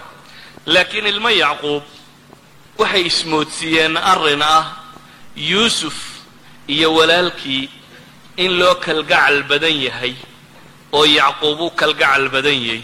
Arrintaana waxay ku tilmaameen yacquub inuu baadinimo kaga sugan yahay. Waase iyagu sheegteen. Waxa uu qur'aanku markan inoo tilmaamaya masaa-isha amraad alquluub xanuunada qalbiga ku dhacaya siday khatarta u yihiin. Qofku hadduu qalbiga ka bukoodo oo qil iyo xaqd iyo xasad iyo buqdi iyo waxaasi hadday qalbiga galaan inay qoys xataa mujtamac ballaadhan ka kaalayo qoys inay dumin karaan oo ay kala dareerin karaan. Waxay masaladani tilmaamaysaa ilmo yacquub mas'aladani xadkay la gaadhay. Waxay la gaadhay inay soo jeedinteedu noqoto iqtuluu yuusufa aw itraxuuhu arda. Yuusuf in la dilo. Yuusuf jariimadu galay waa maxay? Madan buu galay. Xataa haddii yacquub buu ahaa ka wax jeclaadee yuusuf isaga waxbaba ma samaynin. Laakiin markay dadku xaasidnimada iyo xaqdiga iyo qalbigu markuu xumaado waxaa ku dhaca qofka indhala-aan mawaasiinta ka lunta. Sida wax loo qiimeeya xataa ma garta u walidalika ilma nebi yacquub waxay qaateen fikradda ah in la dilaba yuusuf yuusufkaa yar ee walaalkooda ee aan waxba geysanin in la dilo go'aanka ah bay qaateen waxay culammadu yidhaahdaan qofku hadday cadhadu ku biirta bay yidhaahdaan xiqdi bay isu rogtaa xiqdigu hadduu sii biiro bay yidhahdeen xasdi buu isu rogaa idan waxay yidhahdaan culammadu waa maraatib isdaba taalla alcadaawa walbaqdaa min alghadab bay ka soo bilaabantaa bay yidhahdaan dabeetana xiqdi bay tagtaa kadibna xaasidnimay tagtaa xaasidnimaduna waa qofka inaad balaayo un la jeclaato adigo aan adigu waxba ka helaynin qolada tani ilmo nebi yacquub waxay qaateen go'aanka ah walaalkood inay dilaan ama se fogeeyaan waxay kaloo qaateen aw iطraxuuha ardan yaklu lakum wajhu abikum watakunuu min bacdihi qawma saalixiin bal aayadda u fiirso waxay leeyihiin aan ka takhallusno kan yar oo dillo ama fogayno oo lumino dabeetana shayطaanku waa cajiib insaanka markuu jariimada gelayo wuu u fudaydiyaa jariimadan laba sababood buu ku fudaydiyey kow marka hore wuxuu ku fudaydiyey natiijada ka ratibmaysa inay wanaagun tahay oo ah marka kan yar iyo walaalkiiba laga takhalluso waxa soo baxaya bay yidhahdeen yuusuf haddaynu ka takhallusno. Waxa ka soo baxaya waxa weeyaan bay leeyihiin alamri alwaaqic inuu yacquub u hogaansanaado oo hadda inuu innagayna jeclaado. Waa wasiilo jacaylka yacquub lagu raadinayo dilku. Dil baa waxaa lagu raadinaya maxay? Jacaylka nebi yacquub. Alamr alwaaqic bay leeyihiin odagu waa isaga hogaansami doonaa markaynu ka takhallusno yuusuf cid kale ma taale de inagunba alabnaa'i alwaxiidiin lilab aabbaha yacni carruurta qudhow haystaa waa innaga. Marka dee aabba carruurtiisa kama maarme wayna jeclaan doonaa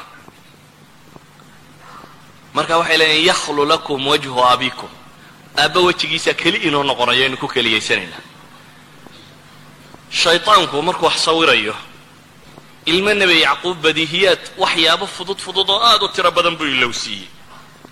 Wuxuu ilowsiiyey mays odhanin war armaa jariimadiinuba muuqataa haddii aad fashishaan oo jariimadaba la ogaado yacquub miyuu jeclaan markaa markay inankiisii dilaan. Ismay weydiinin. Ismay weydiinin aabbahood maxaa ku dhici doona? Jacayl badaayaar buu indhabeelaa oo mushkilad kale qabsataa ismay weydiinin. Ismay weydiinin mu'aamarada ama jariimada sida loo fulinayaa armay fuliba weyda. Oo sidii aad ugu tala gashay u socon weyda ismay weydiinin yacni wixii khayaaraad jiray oo dhan ixtimaalaad jiray oo dhan shaytaan wuxuu ka tusiyey mid quroo ah. Ismay weydiinin armuu ninkani dhimanba waayo idinku soo noqda. Isagoo madaxa iyo waxaa la kulantaan waxaasoo dhan tirada kumay darin. Waxay ku xisaabtameenuun. Hadday jac iyo jac kaga siiyaan in kan yarina tegayo? Odayguna uu jeclaan doono arrinkuna uu hagaagi doono. Weliba waxay intaa ku dareen. Dee toobaduna ma foga bay yidhahdeen isaga markaynu ka takhallusno markaan baynu xajka tegaynaa soo weysaysanaynaa. Waa masala fudud. Watakunuu min bacdihi qawman saalixiin baa la leeyahy waxaa la sii bilaangaraynayaa marka isaga laga takhalluso kadib in la toobad keeni doono. Waa toobaduna dee tajuba maa qablahaayo inay fiicnaan doonaan. Saasaa balaan lagu dhigta. Mas'aladani waxa ay ku tusinaysaa marka. Insaanku marka uu dariiqa qaldan maro jaraa'imta sida uu u sawiraa ee uula fududahay. Waxa ay rabaan inay dilaan waa walaalkood. Xanuun qalbi unbaa ku dhacay oo colaad ah. Kay colaadda ku fulinayana ka takhallusayaan waa walaalkood. Waxay colaaddaa ku raadinayaanna waa aabbahood inay keli ku noqdaanoo uu jeclaado ayay ku raadcaynayaan dembiga xagga alle ka dhici doonana walaalkood isma weydiinayaan isaga iyo arrinkiisa laakiin dembiga xagga alle ka dhici doonana inay ka toobad keeni doonaan.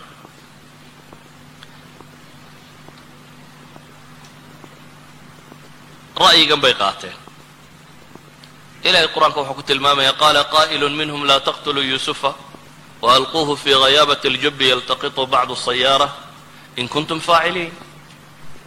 Ilaahay faraj buu u furay nebi yuusuf oo mid yagii ka midun baa yidhi weer ha diline. Eh meelaha goda iskaga tuuro dadkaa socotada iyo waxaasi ha qaataanoo hayna dhaafaane. Bacda muxaawalaat sida qur'aanku tilmaamayo suuradda ma tafsiirayno laakiin meelahaynu u dan leenaynu tilmaami doonaa bacda muxaawalaat aabahood inay isku dayaan inay ku qanciyaan oo u warramaan oo ya abana ma laka la ta'mana cala yusufa wainaa lahu lanaasixuun arsilhu adan maana arsilhu macana gadan yartac wayalcab waina lahu laxaafiduun qala inii layaxzunanii an tadhabuu bih waakhafu an yakulahu di'bu waantum canhu gaafiluun ilaahay subxaana wa tacaala wuxuu ka warramay waxay dood soo samaysteen iyo siday rabeen inay yuusuf u qaataan iyo aabahood siduu u shakisnaaye uga warwarsanaaye kolba meel isu taagaya iyana isku dayeen godku istaagaba inay ka saaraan oo ra'yigooda ay ku fuliyeen qadiyaddii waa fuliyeen walaalkood god bay ku rideen. Nebi yuusuf wuxuu la kulmay mashkilad. Ah colaaday inay qabsato oo cid kaa foge hadday ku colaadiso waad qaadan kartaa laakiin kii kula dhashay inuu noqdo ka ku dilaya. Waxaad sawirtaa yuusuf oo ilmo yara oo walaaladii daclada hayaan oo meesha loo wada ay tahay in la tuuro oo dabeetana inta god lala tegay la sii wado oo aan weliba godka si caadiya loogu rodayna khayaabat aljubbi saa ilaahay tilmaamayo. Meel madoowa wax qariso oo god ka sii mida la rabo in la sii geeyo oo arkaya walaaladiiyo intay isu kaashadeen midba dacal hayo god lagu sii ridayo. Haadihi suura maxay maskaxdiisa ku reebaysaa ilmaha yar ee haddana dareemaya iyagoo intay halkaa dhigeen aan u naxariisan ee kaga dhaqaaqay oo meesha kaga tegay qisada tani waxay tilmaamaysaa marka. Bukaanada qalbiga ah ee xaasidnimada iyo xaqdiga iyo qilliga iyo waxa la nooca ah hadday bulsho degaan oo mujtamacaadka dhexdooda ay degaan mujtamacaasi inuu noqdo mujtamac cafina mujtamac uraya oo burburaya mujtamac kala lumaya inuu noqonayo. Natiijadii falkan ay sameeyeen ilmo yacquub waxay noqotay in aabbahood inay keli ku noqdaan oo jeclaado daaye ilaahay subxaana wa tacaala uu tilmaamaya wabyadat caynaahu min alxusni fa huwa kadiib. In indhuhu caddaadeen murugo iyo tiiraanyo daraaddeed. Inuu taagnaa inamaa ashkuu bathii wa xusnii ila allah. Odaygii taasaa ku dhacday. Waxay sababtay walaalkood oo yuusufi inuu god galo oo dabeetana godkii laga qaado oo kooxi kaxaysato oo dabeetana alkariim ibnu lkariim ibnu lkariim ibnu lkariim isagoo ah. Nin saddex nebi ku abtirsado isagoo ah in dabeetana la addoonsaday. Alxor ibnulkariim isagoo ah in la addoonsaday. In suuqa silaca wax lagu iibiye la geeyey washarawhu bitamanin baksin daraahima macduudatin wa kanuu fiihi min azaahidiin ilaahay tilmaamayo suuqa wax lagu kala gato ee iga gadyo kaa gadi maayo intaa iga dhaniyo iga sii isagoo ina nebiyo nebi dhalo nebi dhalo nebi dhalay inuu suuqaa tegay waxaa qur'aanku tilmaamayaa inuu addoonsigaasi ku dhacay waxa uu tilmaamayaa inay haweenaydii hungurayso isku dayda inay kufsato waxa uu tilmaamayaa in xabsi lagu riday waxaasoo dhibayo uu yuusuf maray aabbahooday jacaylka ka rabeenna waa indhabeelay murugo iyo tiiraanyiyo ciil buu la indhabeelay waxaa ilaahay tilmaamaya inuu leeyahy inamaa ashkuu bathii wa xusnii ila allah. Inuu leeyahay fasabrun jamiil wallahu lmustacaanu calaa maa tasifuun. Halkaa odaygii inuu taagan yahay. Waxa ay tilmaami kartaa sida caa'iladani yara noqotay. Markii uu yuusuf wiilkoodii ka labaad rabay inuu ka qaato siday dareemayeen aabbahood. Markii hore waxay lahaayeen yakhlu lakum wajhu abikum laakiin kii labaad markii la qaadayay maxay lahaayeen ina lahu aban shaykhan kabiiran fakhud axadana makaana waayo waxay dareemeen aabbahood kii hore wixii ka qabsaday iyo wixii dhib ka gaadhay bay lahaayeen. Oday weyn oo dhibi gaadhaysa buu leeyahay. Annaga midka ay nagu bedel bay lahaayeen. Waxaa dhacday inankii ugu weynaa say mufasiriintu sheegaan inuu yahay kan leh. Falan abraxa alarda xataa ya'dana lii abi aw yaxkuma allahu lii wa huwa khayru lxaakimiin kii weynaana inuu dhan u lumo waxaa dhacday qaybi caa'iladii guriga qura ku wada noolayd yuusuf good buu ku dhacay. Odaygii waa indhabeelay. Nebiyullaahi yacquub ahaa. Wiilkii labaad waa kii farsamada lagu qaaday ee isna baxay. Kii weynaa isna waxaa ku dhacay inuu yidhaahdo mar haddee waxaasoo dembiya laga galay aabbo dib ugu noqon maaye. Dhulkaa ilaahay baan iska kacaya waa iska soconaya isna dhan kalu u ambaday intii soo hadhiya odaygii miyay isku fiican yihiin? Maya waa kuwiiyana ku lahaa. Tallaahi tafta'u tadkuru yuusufa xataa takuuna xaradan aw takuuna min alhaalikiin. Kuwii soo hadhayna waa kuwii nebi yacquub ka dul lahaa. Ka zuuli maysid inaad yuusufun kolba xasuusato ilaa aad ka halaagsanta ama aad ka baaba'did reerkan maxaa ku dhacay? Maxaa reerkan shataadka ka dhigay? Su'aashaan idin weydiinaya markaa waxay tahy haddii mujtamac yar oo aabbiyo hooye iyo ilmo ay dhaleen iyo guri ka kooban oo weliba guri nebi uu yahay oo tarbiya nubawo tarbiyo nebi ku soo barbaaray. Haddii marka bukaanka qalbigu uu dhaco ay sidan u kala lumayaan. Markay xaasidnimadii iyo colaadda iyo mushkiladu timaado ay sidan noqonayaan. Guriga weyne ama ummadda muslimka ahi ama bulshada muslimka ahi ama qowmiyadda muslimka ahi haddii xanuunkani dhex gala sida iyaduna u ekaanaysaa? Yacni guri baa shataadkiisii noocaa noqday. Guri ayaa shataadkiisii iyo burburkiisii noocaa noqday. Waxaan u malaynayaa ummadda soomaaliyeed inaan looga warramaynin sida loo ekaado marka la jabo marka la colaatamo soomaaliya iyadoo iska joogtuunbaa qola tidhi haddaynu xagg iyo xagga kaga dhufanno. Oo dabeetana watakunuu min bacdihi qowman saalixiin. Yakhlu lakum wajhu abikum bay raadinayeen meesha inay fuulaan oo iyagu inta kale dareeriyaan waxoogaaga dhintana dee waynu toobad keeni doonnaa unbaa la lahaa. Watakunuu min bacdihi qowman saalixiin taa la taagnaa.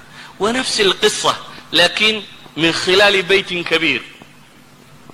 Waa qiso aan ku boobno waa ka takhallusaynaa inta tan qoladan meesha yaro bursatay ee jeclaysatay ee dheeraadka ee jacaylkii qaadatayna aan ka dhicinno. Kadibna maxaa soo baxaya? Waxaa soo baxaya bay leeyihiin yakhlu lakum wajhu abikum wa takunuu min bacdihi qowman saalixiin siday u eg tahay maanta haddii markii hore dadku ay fahmi lahaayeen waxaan u malaynayaa inaan malaha taladaa in badan dib loogu noqon lahaa iminka maanta cid badani waxay leeyiin talow yaa haraggeed inagaga celiyaday soomaalidu ka sheegayeen ninkii neefka qale wax ka iibsan weyday ilaw yaa maruun haraggeedii ku celiya buu yidhi yacni siday u taallo haddii maanta talada dib loogu celin lahaa oo wakhti dambe ay taladu joogi lahayd waxaa laga yaabi lahaa inaan dad badani dhiiradeen waxay ku dhiiradeen markaa waayo shaytaan wuxuu tusiyo keliya mas'ale ah in kooxda meesha markaa joogto inta laga maroorsado koox kale inay fuuli doonto wax badan oo sii dhaci doona inaanay jiri karin. Wajhul ab in la heli doono dabeetana watakunuu min bacdihi qowman saalixiintuna inay ka dambayn doonto. Waxaan leenahay shataadkaasi inay dunida ku firidho. Oo inamaa ashku qaar le ay nool yihiin. Oo ooyaya inamaa ashku batii wa xusnii ila allah. Qaar weli le tallahi taftau tadkuru yuusufa xataa takuna xaradan aw takuna min alhaalikiina ay nool yihiin. Qaar leh lan abraxa alard xataa ya'dana li abina ay nool yihiin mujtamacii soomaali la odhan jiray noocaas u eegi waxaan baday oo lumay wax weli qoomamaysan oo ooyaya wax weli inta kale hadhay ku sii diganayoo le tallahi taftau tadkuru yuusufa ma lcilla idan cilladu waxa weeyaan amraad alquluub mujtamaca haddaan marka hore la ilaalin xagxagashada laga ilaalin waxa isku haya laga ilaalin qalbiga waxaa qofka muslimkaa waxyeelaya laga ilaalin. Akhiiran natiijadiisu nooca kan bay noqonaysaa. Su'aashan qisada markaa uga jeedaa marka kan waxay tahay hal min xal waxayn leenahay aan eegno yuusuf muxuu ku xallilay? Yuusuf gurigii dib inuu ururiyey suuraddaa sheegaysaa inay dhammaantood isugu wada yimaadeen suuraddaa sheegaysaa mal xal baa isweydiin leh maxaa mujtamacaadka muslimkaa maanta caalamulislaami haddaad eegto waa nafsu shay. Yani soomaaliya qura haddaynu iska dhaafno caalamulislaam oo dhan eegno waa nafsi shay. Waxaa burburiyo ku dhacay waa amraad alquluubkaasi dadka badh ku dhacay ee intii kalena kala firdhiyay ee nooca kan u galay. Maxaa xal ah? Qisada yuusuf suuradda tani waxay culammadu yidhahdeen waa suurat alcifa bay yidhahdaan nebi yuusuf wuxuu ahaa cafiifu llisaan cafiifu lqalb cafiifu ljawaarix. Waxaan isweydiinaynaa maxaa xal ah? Waxa xal ah baynu leenahay alcifa. Dhowrsooni nebi yuusuf laba hal buu sameeyey. Walaaladii xaasidnimadaasay ku dhaceen xasdiguna ka la xaasidaya intaanu halaagin kuwa wax xaasidayuu sii halaagaa. Xasdigu markuu dhaco waa wixii ilmo nebi aadanba dee dhex galay. Laaqtulannaka markuu lahaa waxba uma geysan walaalkii laakiin waa xaasiday uun laakiin kii uu dilaya iska dhaafay isagii baa ilaahay ku tilmaamaya faasbaxa min alkhaasiriin iyo faasbaxa min annaadimiin. Isagaa ahaa kii murugaysnaa markii dambe noqday nebi yuusuf mas'alada tan wuxuu ku cilaajiyey laba shay. Ama saddex shay haddaynu idhaahno labada shay mid culammadu waxay yidhaahdaan waa jurxigu nabarku inaanu sii ballaadhan oo ah nabarka in damaqa laga ilaaliyo. Hadday ceeb iyo dhibi dhacdo dadku isqabto waxa koowaad ee laga ilaaliyaa waxa weeyaan inaan nabarka la sii qodqodin. Maxaa sii qodqoda nabarka? Afxumadaa qodqoda afxumada ayaa nabarka qodqoda arkaysaa maalan waxay dhahdaan culammadu nebi yuusuf markii intaa la hafray beenta laga sheegay dumar ay wax u heshiiyeen xabsiga la dhigay isagoo aan waxba samaynin ee boqorkii uriyada u soo dirtay uriyadii u fasiray waa ka waa kii la yidhi ka soo bax jeelka nebi yuusuf wuxuu damcay inaanu bixin ilaa iyo kayskii lagu xidhay laga hadla mooyaane. Wuxuu yidhi maa baalu niswa allatii qaطacna aydiyahuna nebi yuusuf su'aal buu weydiinaya wuxuu leeya boqorkii u tago fas'alhu maa baalu niswat waxaad boqorka weydiisaa haweenkii gacmahooda googooyey ereygaa maxaa ku jira? Nebi yuusuf wuxuu xaq u lahaa inuu yidhahdo haweenkii isku dayay inay kufsadaan wuxuu xaq u lahaa inuu yidhahdo haweenaydaadii layga taag waayey. Xaaskaagii layga taag waayey arrinkeedii ka warran. Wuxuu xaq u lahaa dumarkii hafree beenaalayaasha ahaa ka warran.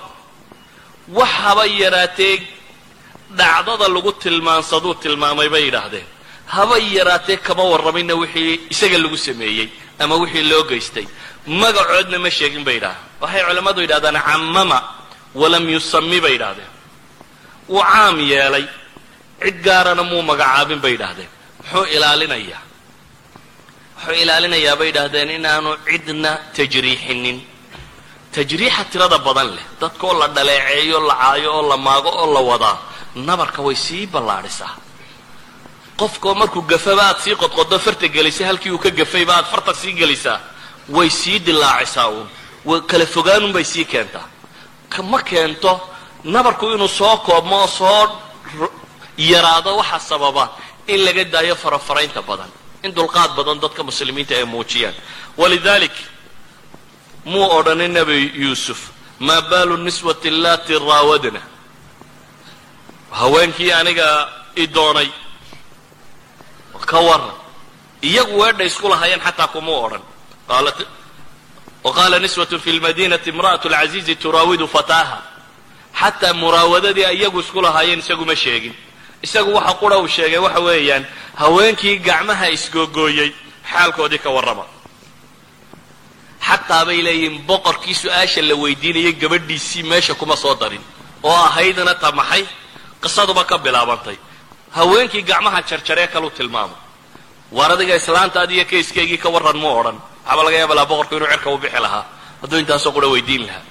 Intaana ma weydiinin waxaad tilmaamaysa nebi yuusuf sida uu carabkiisa u ilaalinayay.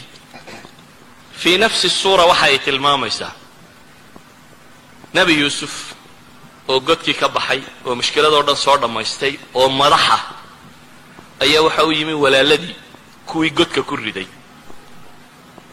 Waa markii uu dabeetana suwaaculmelika loo dhex raaciyey alaabtii walaalkood ee laga soo saaray. Waxay yidhaahdeen in yasriq faqad saraqa ahun lahu min qabl. Iyagoo hor taagan bay hadlayaan. Waxay idhahdeen hadduu waxaday kani mid ka horreeyo ay walaalahaayeenoo tuug ahaa jiray bay yidhahdeen maxaad yeeli lahayd adigoo boqor ah nimankii ku dilee godka kugu riday. Inta lagu hor keeno haddana hadday yidhaahdaan kani hadduu waxaday ku ka horreeyo tuuga baa jira. Niman aad kiiskii hore ku qaadin oo waxba aanad u sheeganin oo iyagu god kugu rido ku dilo waxaasoo dhan kugu sameeyey oo haddana weli aan kaa hadhina ku masabidaya. Nebi yuusuf ilaahay wuxuu ka tilmaamay wuxuu yidhi faasarahaa yuusufu fii nafsihi walam yubdiha lahu. Qaala antum sharu makana wallahu aclamu bima tasifuun. Naftiisa wuxuu ku qariyey baa ilahay yidhi subxaana wa tacaala nebi yuusuf oo aanu cidna u muujinin. Hoos qalbigiisa wuxuunbuu ka yidhi antum sharu makana idinkaa ka liito ka meel hooseeya ka shar badan wallahu aclamu bima tasifuun ilaahay baana og waxaa sifaynaysaa hal minkum intaa yeeli kari lahaa ma jira.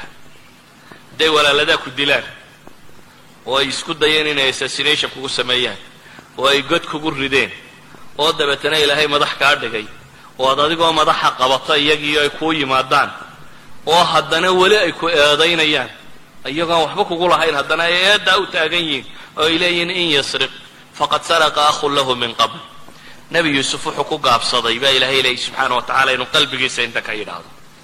Bale waxa kugu filan nebi yuusuf waxay mufasiriintu yidhaahdaan marna iskuma dayin walaaladii inuu masaa'ilkan ku qaadqaado. Sida daraaddeed markuu ilaahay u baryayay ee ilaahay subxaana wa tacaala wuxuu gallad siiyey ilaahay uu ka warramayay wuxuu yidhi waqad axsana bii id akhrajanii min asijn wa jaءa bikum min albadw min bacdi an nazaqa ashayطaanu baynii wa bayna ikhwatii waxay yidhahdaan saddex masalo hariiba aayadda ku wada jira nebi yuusuf wuxuu leeyahy ilaahay wuxuu ii samafalay markuu jeelka iga soo saaray buu yidhi waxay culammadu yidhahdaan jeelka iyo godka iyoma xumaa jeelku waa meel dad ku nool iyo dad baa la joogay wa dakhala macahu sijna fatayaan qur'aanku wiilalbaabu tilmaamay la galay jeelka markuu galay nin dhallinyaro xooggan buu ahaa oo soo koray oo da' soo gaadhay. Jeelku waa meel dadka cunno lagu siiyo waa kanoo bashar lala kulmo. Amaa godku kow khayaabat iljubbi baa lagu riday meel madoobo goda baa lagu riday. Oo fog bay yidhaahdeen aan magaalada iyo meelaha kan ka oolin. Meel aan raashin iyo cunno iyo waxba toona oolin buu ahaa. Meel aan aniis iyo cid la gargaarsada iyo cidna joogin bay ahayd. Ilaahay markaad manooyinku kuu galay sheegayso waxaa la sheegaa dee kuwa waaweyn alla kuu galay waxay mufasiriintu yidhahdaan wuxuu dhowrayay khaatirada walaalkii. Walaaladii waxay ku sameeyeen inaanu xasuusinin oo isdhaafiyo. Dabeetana cadowgii wixii uu ku sameeyey ajeelkii ay ku rideen buu sheeg sheegay. Ee ma sheegin bay yidhahdaan walaaladii. Halkay ku rideen. Waxa uu sheegay markaa nimankii colka ahaayeene kale meeshay ku rideen. Iyaga markuu tilmaamay wuxuu uhi wajaءa bikum min albadu iyagu xaggay ka yimaadeen markii dambe ee reerka la ururinayay waxay yimaadeen toddobadii sannadood ee faqriga lagu jiray ee abaartu haysatay ee muu odhanin markii idinkuna caydha aad noqoteen idinkoo caydhaa la iikiin keenay. Waayo iyaga abaar baa ku dhacay oo waa kuwii caydhooba dee dhibtu qabsatay. Ma sheegin wuxuu yidhi markii ilaahay baadiyaa idinka keenay baadiyuu mar lagu barwaaqaysanya oo caano iyo hilibba leeyay iyo beer iyo midhaba u leeyay iyo mar lagu haraadanyayba waa jirtaa waa u camimay bay yidhaahdeenoo wuxuu tilmaamay maxay? Wajaءa bikum min albadu muxuu kale sheegay min bacdi an nazaqa shayطaanu baynii wa bayna ikhwatii shaydaan ma iyagu derderay mise yuusuf ma waxbuu ku lahaa dhibtii dhacday oo dhan waxba ma samaynin marnaba isagu wax ma samaynin saa ka muuqata qur-aanku kaga warramayo laakiin isagoo khaatirka walaaladii dhowrayabuu wuxuu yidhi baa la leeyay min bacdi an nazaqa shayطaanu baynii wa bayna ikhwatii markii shayطaan aniga iyo walaaladayna kala dhex galay nasqu shayطaan kaanamaa labadooda kooxood bau ku dhacay oo shayطaan buu eedana saaray. Wuxuu kaloo ka dhigay labadoodaba inuu dhex maray. Waxaasoo dhammi waxa ay sheegayaan bay culammadu leeyihiin wuxuu rabay lisaanka jariixa carabkaagu hadduu noqdo mid dadka muda. Waxaad tahay qof wax firdhinaya ma tihid qof wax daaweynaya walidaalik buu wuxuu iska ilaalinayay walaaladii inuu heshiisuun mar la geli doono oo ay dhici doonto inuu la heshiiyo. Sida daraaddeed nebi yuusuf dhaqankiisa waxaa ka tirsanaa mushkilada si uu xallilo inuu noqdo mid cafiifu lisaana. Carabkiisu mid aanu dadka xaganin inuu noqdo. Carabkiisu mid aanu dadka xaganin inuu noqdo. Dhibta iyo nabarada iyo boogaha dhaca waxa sii balaaliya gabayada iyo kaftanada iyo waa isjareexaynayna soomaalidu sheegto. Jareexada de waa jareexa uun waa tajriic waa uun waa ismudaynaa la leeyahay waxaasi waxay sii ballaadhiyaan maxay? Bukaankii idan waxaynu leenahay nebi yuusuf si uu reerkan u ururiyo awalu shay uu adeegsaday waa maxay? Wuxuu ahaa yuusuf cafiifu lisaan. Lisaanka iyo cafiifnimadiisu. Hal qisaan nebi moxamed salawaatu ullahi wasalaamu caleyh idinka tilmaamaya. Xadiidkaa wada taqaaniin ee saxiixayn ku yaalla ee riyaad saalixiin ku yaalla macruufka ah. Yahuud baa nebiga u timi iyadoo cayshina fadhida. Dabeetana waxay ku yidhahdeen assaamu calaykum assaam geeriyo korkaaga ha ahaata bay nebiga ku yidhahdeen intay u yimaadeen. Waxay iska dhigayaan inay salaamayaan oo assalaamu calaykum bay laamkii ka boodeen. Dabeetana assalaamu calaykum bay yidhahdeen geeriyo korkaaga ahaato. Waa goorma waa nebigoo xaaskiisii la fadhiya salawaatu ullahi wasalaamu calayh. Ayaa la soo doontay adyad iyo gardarro inta lala soo doontay ayaa haddana la salaami maayo la habaaraya. Oo la leeyahay assalaamu calaykum caaisha waa cadhootay. Waxay dareentay yuhuuddan khubudkeeda iyo xumaheeda. Iyo nebigii ilaahay waxa ay kula hadlayaan.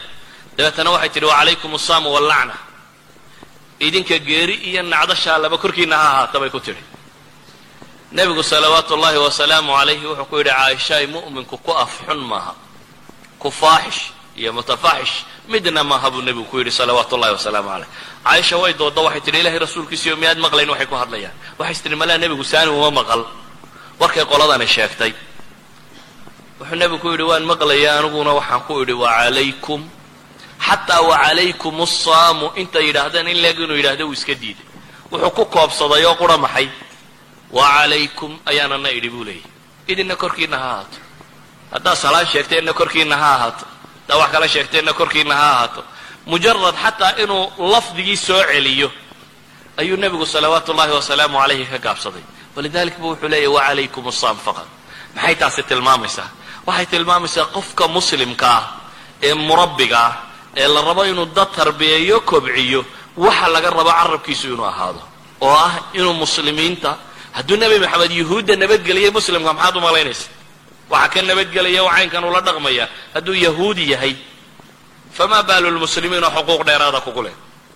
Idan waxaan leenahay awal shay uu adeegsaday nebi yuusuf si uu masalada tan u daweeyaa waxa weeyaan carabkiisu ilaaliyay thani shay baan tilmaamaya. Shayga labaad ee uu nebi yuusuf adeegsaday waxa weeyaan mas'alat alcaf. Alcifa waa tii hore wa thaniyan alcaf inuu dul qaatay oo iska cafiyey oo dhaafay walaalihiisii waxa uu geystay.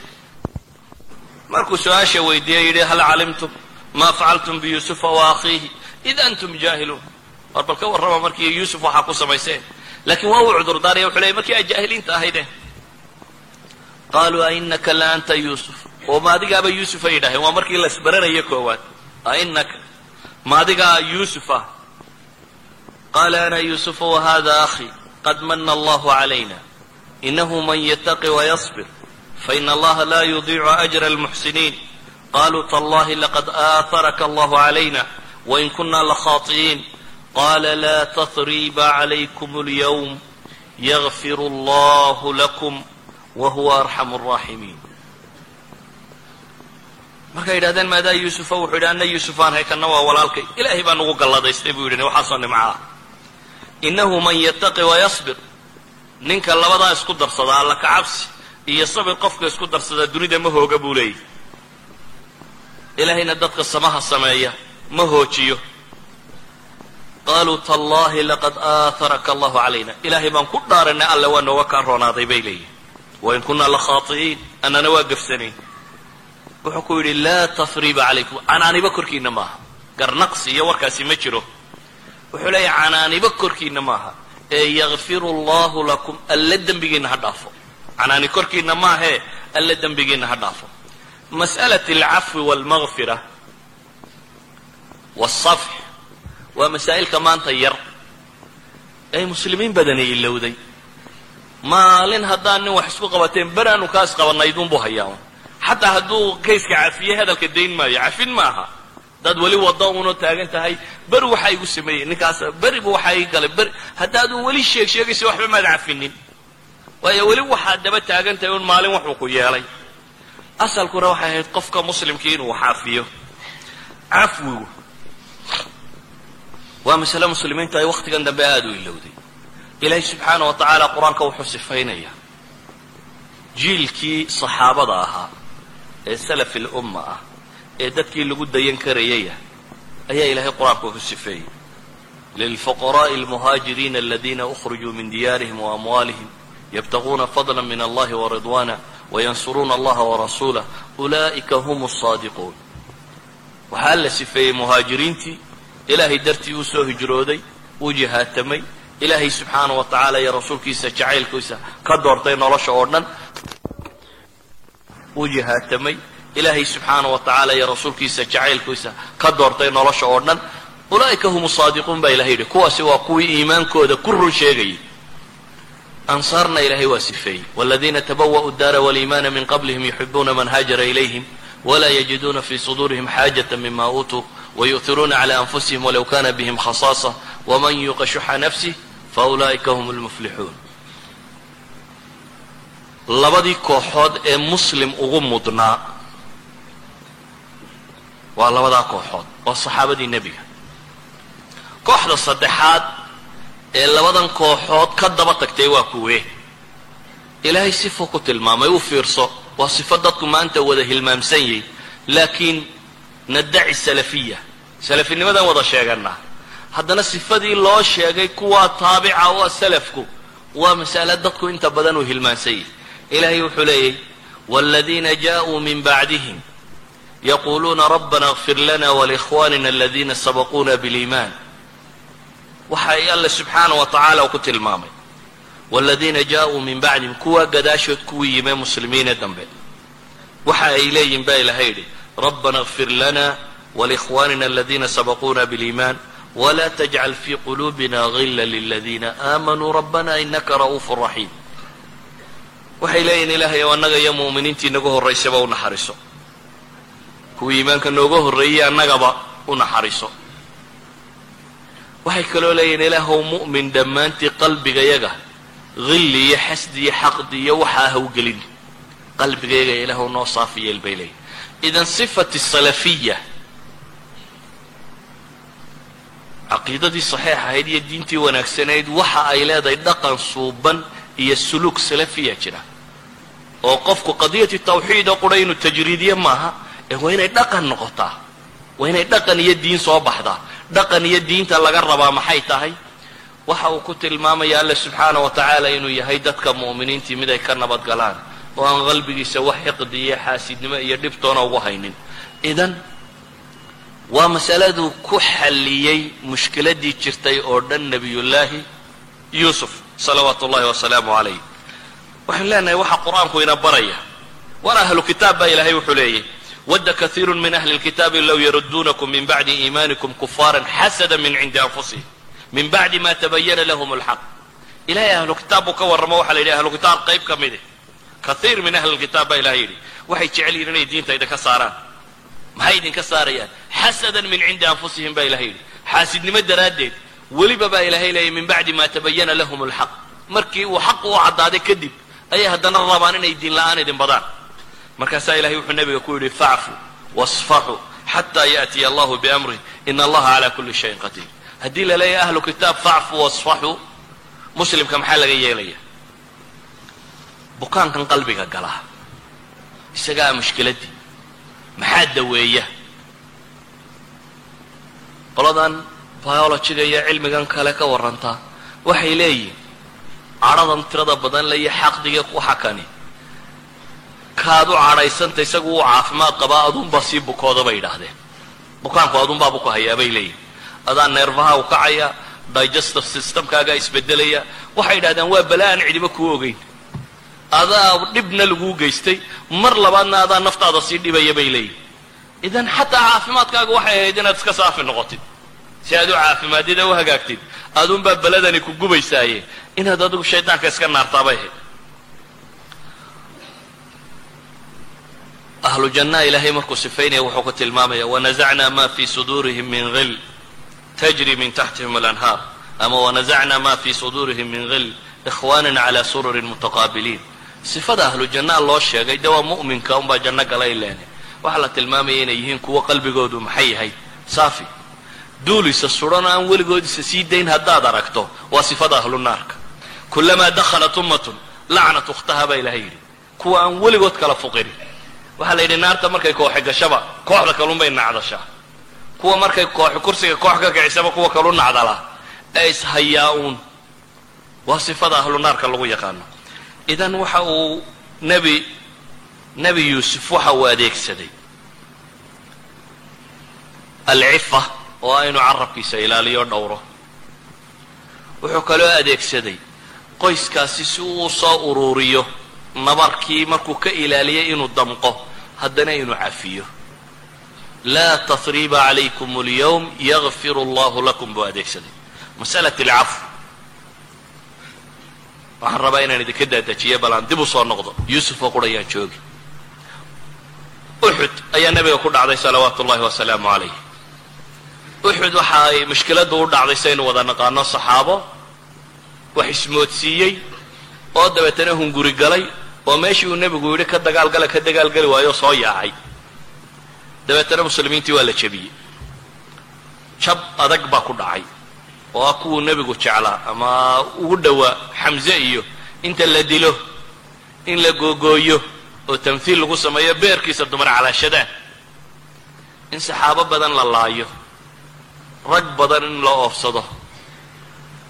Muscab ibnu cumayr iyo raggii madiinaba furtay ee diinta geliyey ee sacd ibnu mucaad iyo mucaad ibnu jabal iyo raggii la yaqaanay diinta ku soo daray. Waa maalmahay meeshan alla uu ku kaxaystay. Waxaasoo dhibi markay dhaceen. Riwaayaadka saxiixi waxay tilmaamayaan saxaabada badh oradkii inay madiina dib u galeen markii la jabay. Ragga badh baa yaacay oo oradkii madiine galay. Waxaasoo mashaakila dhacay.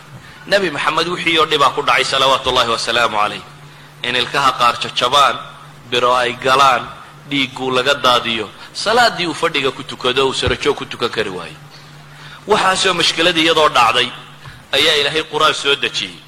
Ilahay wuxuu leeyay fabima raxmatin min allahi linta lahum walow kunta fadan haliida alqalbi lanfaduu min xawlik faacfu canhum wastakfir lahum washaawirhum fi lamr kuwa isagoo alla ka warramayo mujtamac baa la rabaa in la wado mujtamacu afraad maahe waa mujtamac dhan waa basharo waa khataa'iin. Gafaf badan baa ka dhacaya. Nooc walba way isugu jiraan. Laakiin dadka qaadadee la rabo inay ummad hogaamiyaan inay ummad culamo u noqdaan inay ummad madax u noqdaan inay ummad kaxayn karaan waa inay noqdaan dad aan tirsiista aqoonin iyo ficiltanka. Waa inay noqdaan dad cafiskooda uu ballaadhan yahay. Walidalik baa ilaahay wuxuu nabiga ku leeyahay haddii aan naxariis alle qalbigaaga dejin oo aad tahay mid dabeecad adag oo kakan oo qalbi adag. Dadkuba waa kaa yaaci lahaa baa ilahay leeyay walow xaqna sheege. Dabeetana ilaahay wuxuu nabiga amray maxay? Facfu canhum baa layidhi kuwaa dagaalkii kaaga baxay iyo kuwaa jabay ee baqay ee madiino oradka ku galay iyo waxaasoo dhan baa ilaahay yidhi facfu canhum. Dhaaf iska cafi. Adigu cafi baa la yidhi. Waxaa kaloo la yidhi weliba wastakfir lahum. Ilaahayna dembi dhaaf weydii intaa waxaa kaloo la raaciyay bulshaatiino dan baa idinka dhaxayse washaawirhum fi lamri baa ilahay yidhi. Weliba la tashana. Taladana waxbay ku leeyihiin iyagoo jabka keenay ayaa la yidhi taladana waxbay ku leeyihiin maa macna dalik waxay sheegaysaa umamka sida loo hogaamiyaa inaanay ahayn nin buug madow sitoo hebel baa beri dambaabay una iyo maalin buu waxgalay oo aan weligiiba rikoodhka ka masmaxaynin. Oo aan qofka haddii ilaahay ka toobad aqla laga toobad aqbalaynin qaabkaa maaha waxaa laga yaabaa inaad tidhaahdo waxa shaksiga ee lagaa gal kari waa dan umadeed iyo waa kane. Qiso kale aan tilmaamo. Xaadiat lifk. Waa tii beenta la sheegay ee gurigii nebi moxamed salawaatu ullahi wasalaamu calayhi beenta laga sheegay. Iyo saxaabigii qaaliga ahaa ee safwan ibnu lmucatal la odhan jiray. Caaisha iyo safwaan baa waxaa la yidhi way isla hadheenoo xumay sameeyeen dabeetana warkaasaa la faafiyey. Qiyaadadii ummad oo nebi moxameda salawaatu ullahi wasalaamu calayhi ayaa gurigiisii beenta intaa lagalaga sheegay. Beentaasi way faaftay oo waa la isgaadhsiiyey. Markii hore munaafiqiin baa soo bilaabay laakiin muslimiintii badh baa uun samaacuuna lilkadibkoodii iska rumaystay. Wa fiikum samaacuuna lahum tu kuwii alla tilmaamaya qaar baa noqdo warkoodii dacaayadkii markii laga badiyey run mooday. Dabeetana warkii si caama u faafa ilaahayna subxaana wa tacaala mujtamacan inuu tarbiyeeyaa buu rabay qur'aan markiiba lama soo dedejin le caaisha waxba may samayn ama nebi maxamed ilaahay markiiba qur'aan ma soo dejin saaxadiisa beri yeelaya gurigiisa inaan waxba bil baan qur'aan ka soo degin masaladaa bil baa waxaad qiyaastaa magaaladii madiina oo hal biloo cir alle ka dhalatay warkaa un la wado oo cidda la dacaydaynaya ay nebi maxamed iyo gurigiisii tahay abi bakar ridwaan ullahi calayh oo ummadda tan nebi moxamed dabadeed ugu fadli badnaa. Oo ahaa nin aad u xanaaq kulul markuu xanaaqo. Abi bakar wuxuu ahaa nin xanaaq kulul hadduu xanaaqo. Laakiin wuxuu ahaa nin waqaaf lilxaqa oo aan xaqa dhaafin. Abi bakarna mas'aladaasi qabsatay oo a inantiisiita wax laga sheegayo. Intaa kadib yaa waxaan sheegay dadka waxaan sheegay waxaa ka mida mistax ibnu athat mistax waa nin saxaabiya waa nin badariya ahlu badara waa nin muhaajira min almuhaajiriin ka mid a waa raggii ragga ahaa. Laakiin nin kastoo ragga mar bay hoos martaa uun. Nin kastoo ragga wa khayru lkhataa'ina tawaabin mar bay hoos martaa. Ninkaa baderiga ah ee muhaajirka ee caynkaasiya waa hoos martay oo wuxuu ka mid noqday. Fikraddan dadkii faafiyey buu ka mid noqday. Khata'a intaa leeg buu galay oo fikraddan raggii faafiyey ayuu ka mid noqday. Mistax waa mid kale abibakar qaraabuu la wadaagaa oo hooyadii mistax hooyadii iyo abibakar baa habar wadaago laba walaalii kala dhaleen. Marka abibakar waalid buu u yihi inantana caaisha iyo markaa mistax laba habar wadaagaa kala dhashay.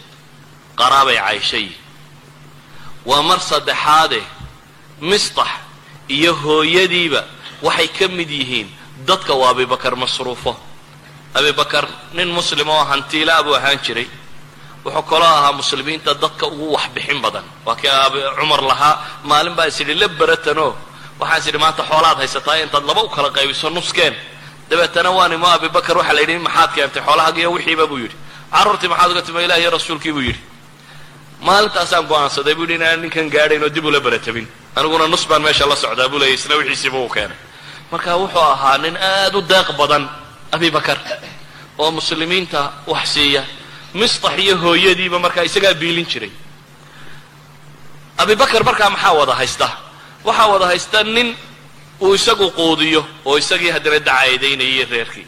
Nin uu tol iyo qaraabo yihiinoo waalid uu yahay oo isagii dacayadaynaya nin muslimoo muhaajiroo badariya oo intaasoo dhan diin soo wada galeen oo haddana isaga reerkiisii sheegaya. Abibakar masaladii wuu qaadan kari waayey. Markii ilaahay qur'aan soo dejiye la tilmaamay in arrinku saa yahay.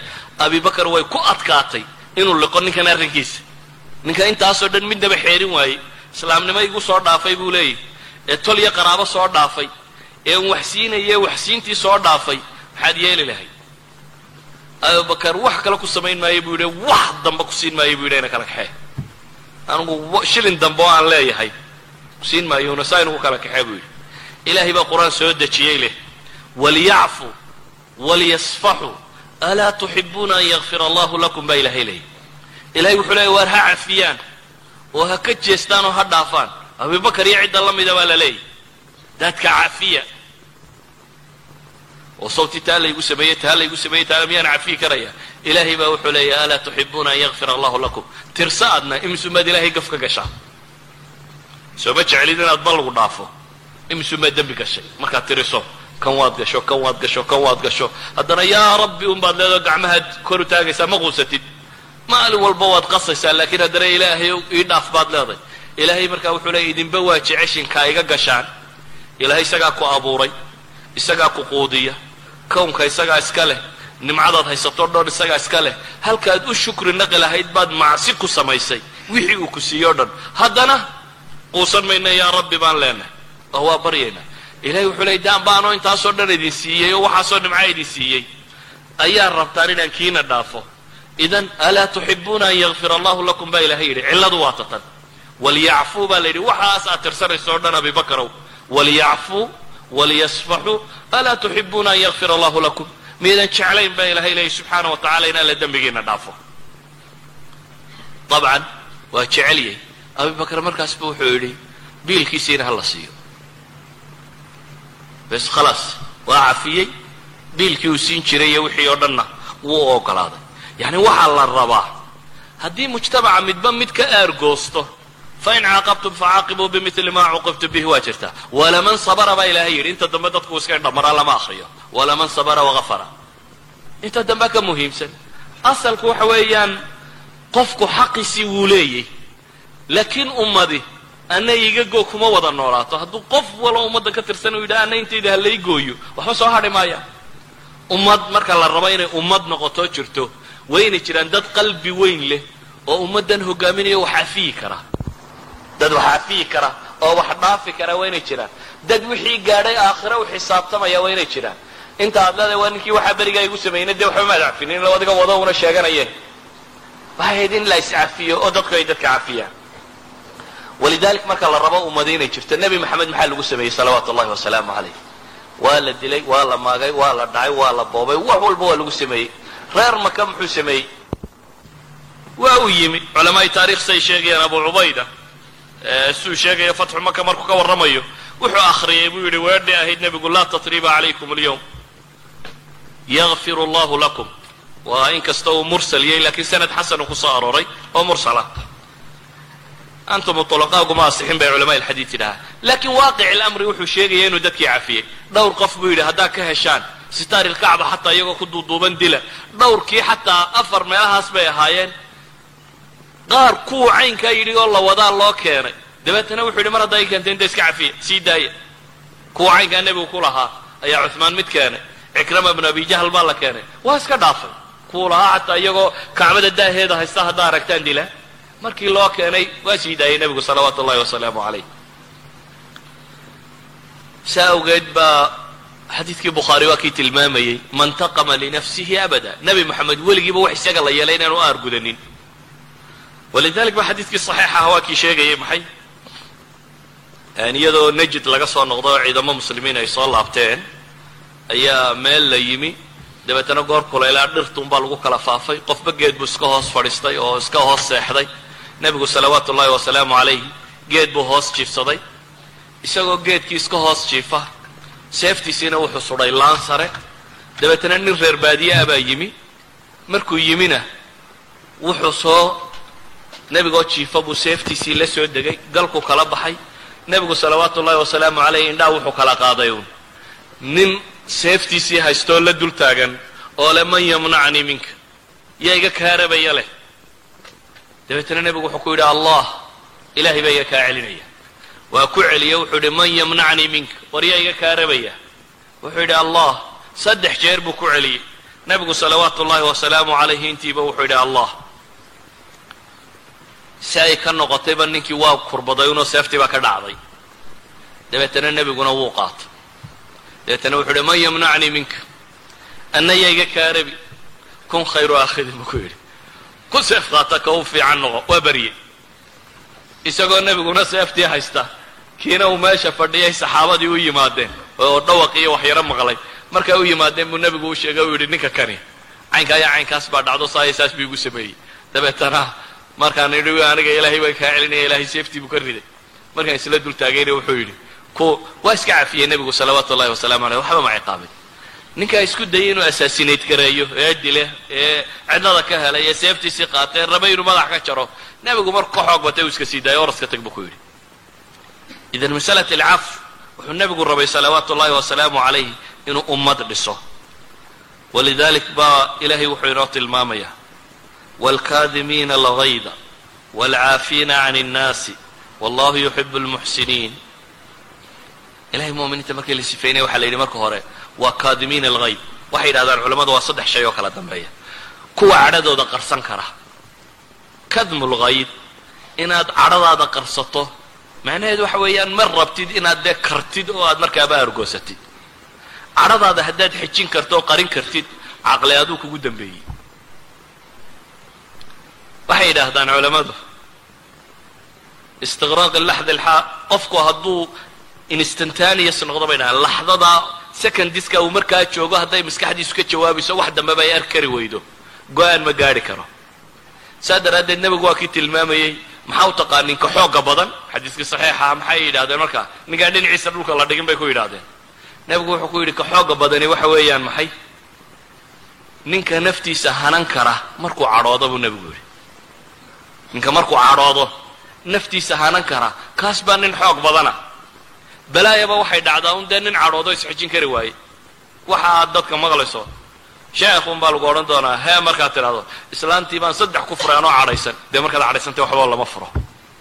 Yani markaad cadhaysantay go'aanba lama gaadhan nin raga haddaad tay weliga adigoo cadhaysan go'aan ha gaadhin. Wuxuu doonaba ha noqdo. Go'aanba ha qaadan no judgment at all. Haddaad nin raga tahay adoo cadhaysan go'aan ha gaadhin wuxuu doonaya ha ahaado. Waxaad isku daydaa inaad go'aamadaada qaadato adigoo miyirka qaba adigoo aan waalayn cadhadu waa nooc min junuun. Adigoo miyir qaba inaad go'aamadaada qaadatid xataa haweenay haddaad rabto inaad furto iska tag. Adoo miyir qaba fur. Oan cadhaysanayn oo bala qabin. Go'aankaaga qaado. Walidalik ilahay wuxuu leeyahay alkaadimiina algayd kuwa cadhadooda xejin kara. Ee qarsan kara. Waalcaafiina can innaas baa la yidhi. Kadmi lkayd masale kaloo ka dambaysaa jirta oo istab ka sarreeya. Oo ah inaad dad inaad dadkaba iska cafidid oo aad dhaaftid. Taa masale ka sii sarraysaa jirta bay yidhaahdeen oo ilahay wuxuu yidhi wallahu yuxibu lmuxsiniin inaad samafarsho. Inaad ixsaan samayso ixsaan samayntu waa maxay? Waxay yidhaahdaan ciqaab la geysto. Qof haddaad rabto inaad banishment ku samayso inaad qof ciqaabto.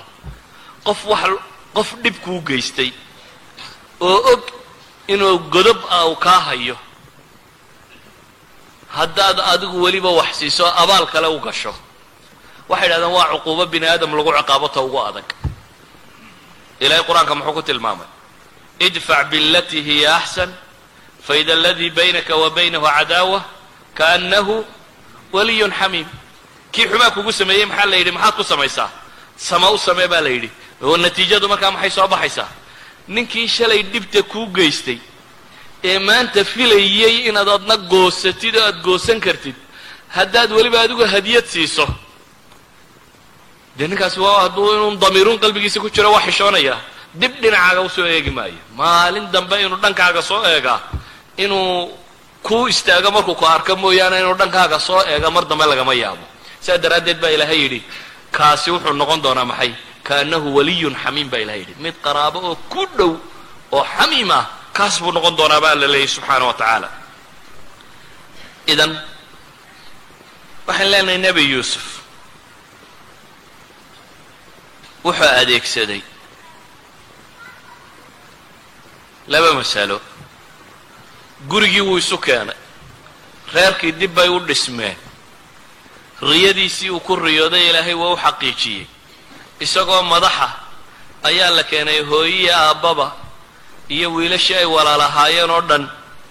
Dabeetana reer banu israa'iil guulaha loo tilmaamo waa halkay ka soo bilaabeen. Qoyskan baa reer banu israa'iil ka bilaabmeen waxay bilaabmeen iyagoo mucasiziina oo mukaramiina inay soo degaan masar. Qoyskan isagoo tabaqadii sare ee faraacinada ee waddanka xukumaysay isagoo ay martigeliyeen oo soo dhoweeyeen oo mucasis oo dad sharfana ayay soo degeen. Reer banu israa'iil taariikhdooda qur'aanku uu ka warramayo waa nasrigii koowaad ee u soo hoyda. Laakiin nasriga kani wuxuu keenay gurigan inuu yuusuf ururin karo. Ilaahayna sida mufasiriinta qaarkood ay ku fasirayaan alasbaat wa abnaa'i yacquub mufasiriinta qaar waxay qabaan koob iyo tobankii kalena in ilaahay markii dambe nebiye ka dhigay reerkiiba inuu nebi isugu wada baxay. Yacquub iyo yuusuf iyo walaaladii iyo wuxoo dhamiba inay ambiye noqdeen. Balaayadii hore waxay dhacday bay dhahdeen qabla nubowa cidda qabta inay abnaa'i yacquub ambiye ahaayeen dhammaantood. Waxaan leenahay haddii la rabo marka qisatu yuusuf waxaan leenahay cinwaankeeda koowaad waa cifa. Cifadana almawardi wuxuu ku tilmaamayaa alcifa can almaxaarim walcifa can alma'aasim baa la yidhahdaa. Buu yidhi waa laba nooc. Alcifa can almaxaarim buu leeyay waa farjiga iyo carabka oo aad ilaaliso oo aad maxaarimta ka ilaaliso. Alcifa can alma'aatimna waxay yidhaahdeen waa dulmiga inaad la jahrido iyo khiyaano inaad israarto oo qarsato oo aad iska ilaaliso. Nabiyullaahi yacquub nabiyullaahi yuusuf qisadiisu waxay caan ku tahay cifanimo. Waxaan leenahay hadduu nebi yuusuf gurigii ururiyey asaaliibtu maree qur'aanku inoo tilmaamaya waa tan. Cid kastoo usluubkan martaa waxaan leenahay guri kastoo baaba'a waa la ururin karaa. Ummad kasta oo lunta waa la waa la ururin karaa. Walidalika waxa koowaadee loo baahanya waxa weeyaan in dadka muslimiintii carabkooda ilaaliyaan. Carabkooda inay ilaaliyaan. Waxaa loo baahanya qofka muslimkii qalbigiisu inuu nadiif noqdo.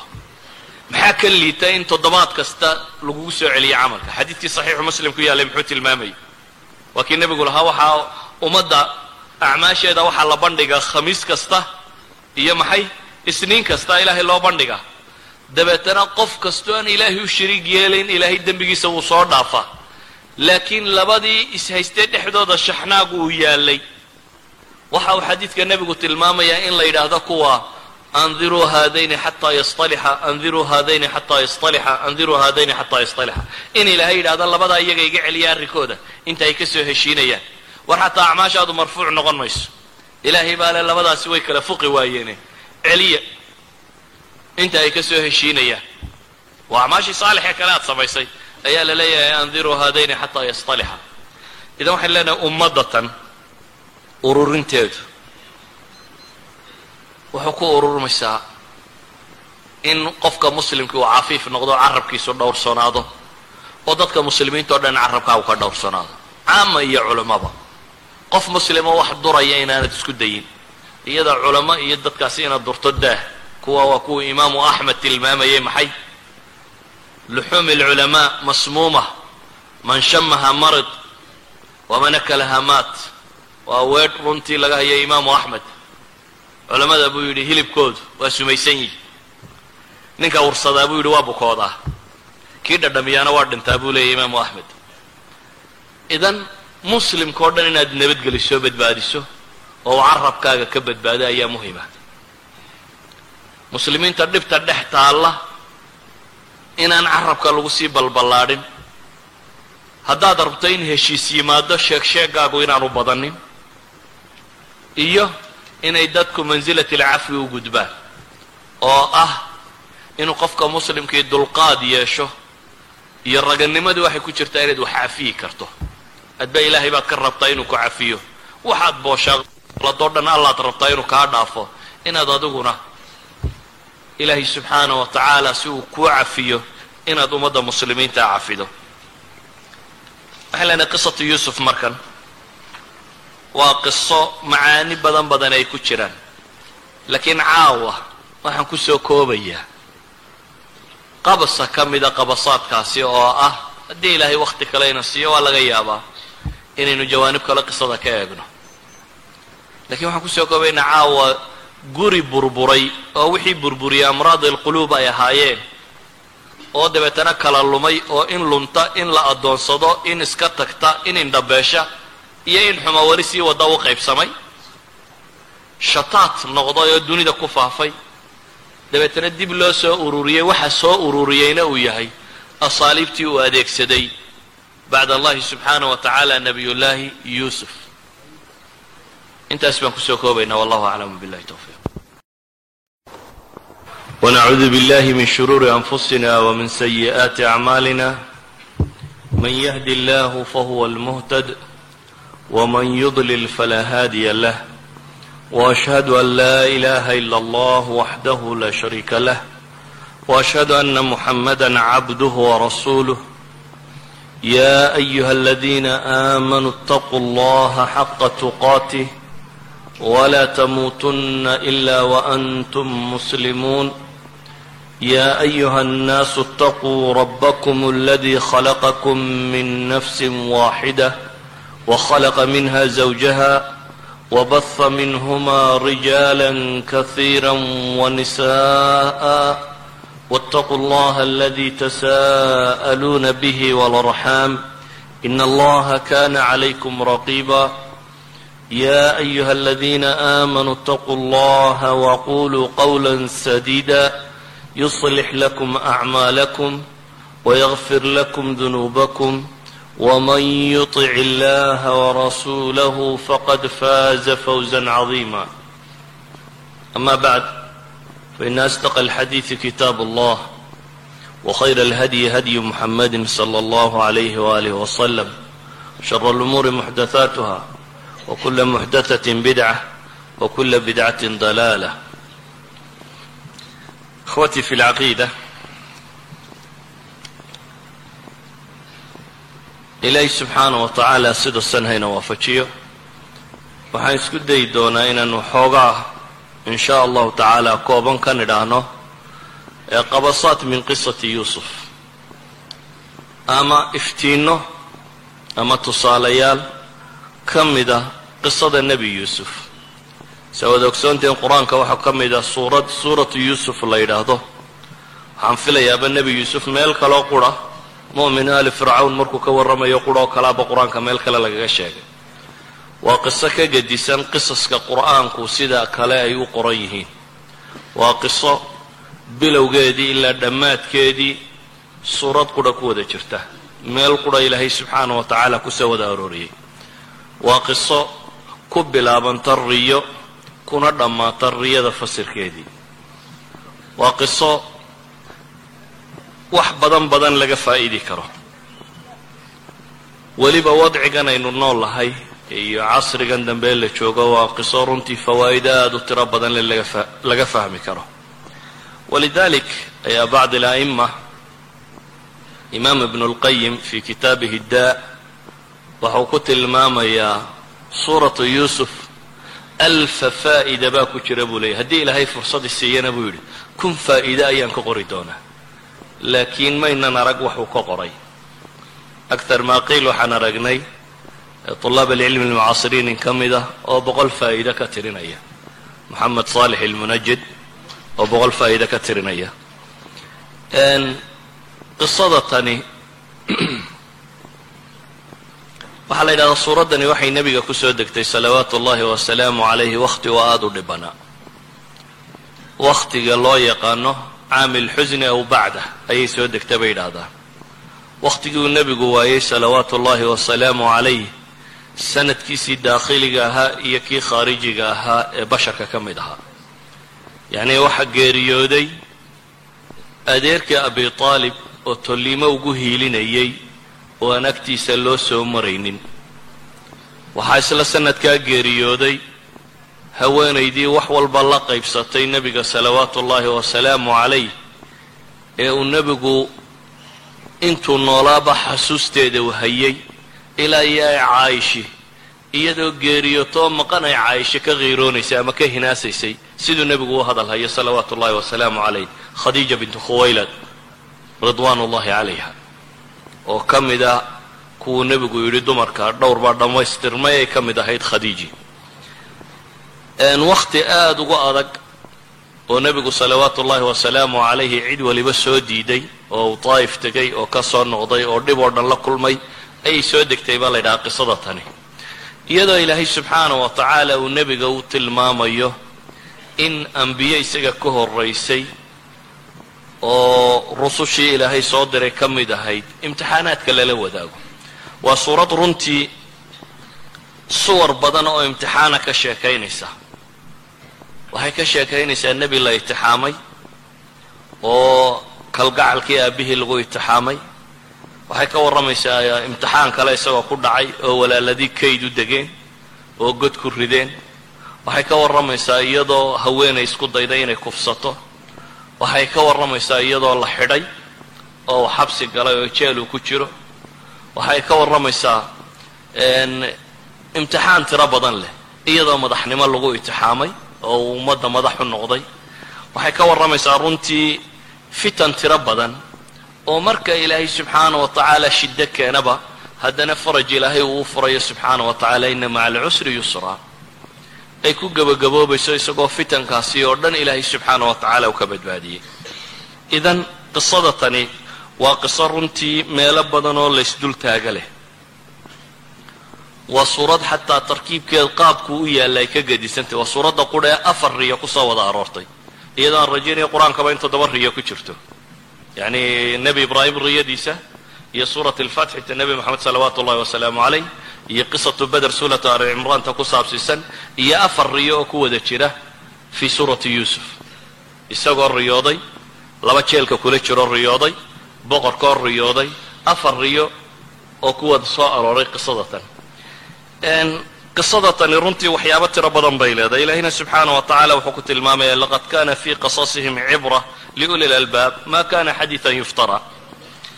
Ilaahay subxaana wa tacaala qisada tan waxyaabaha tirada badan le uu kaga warramayo.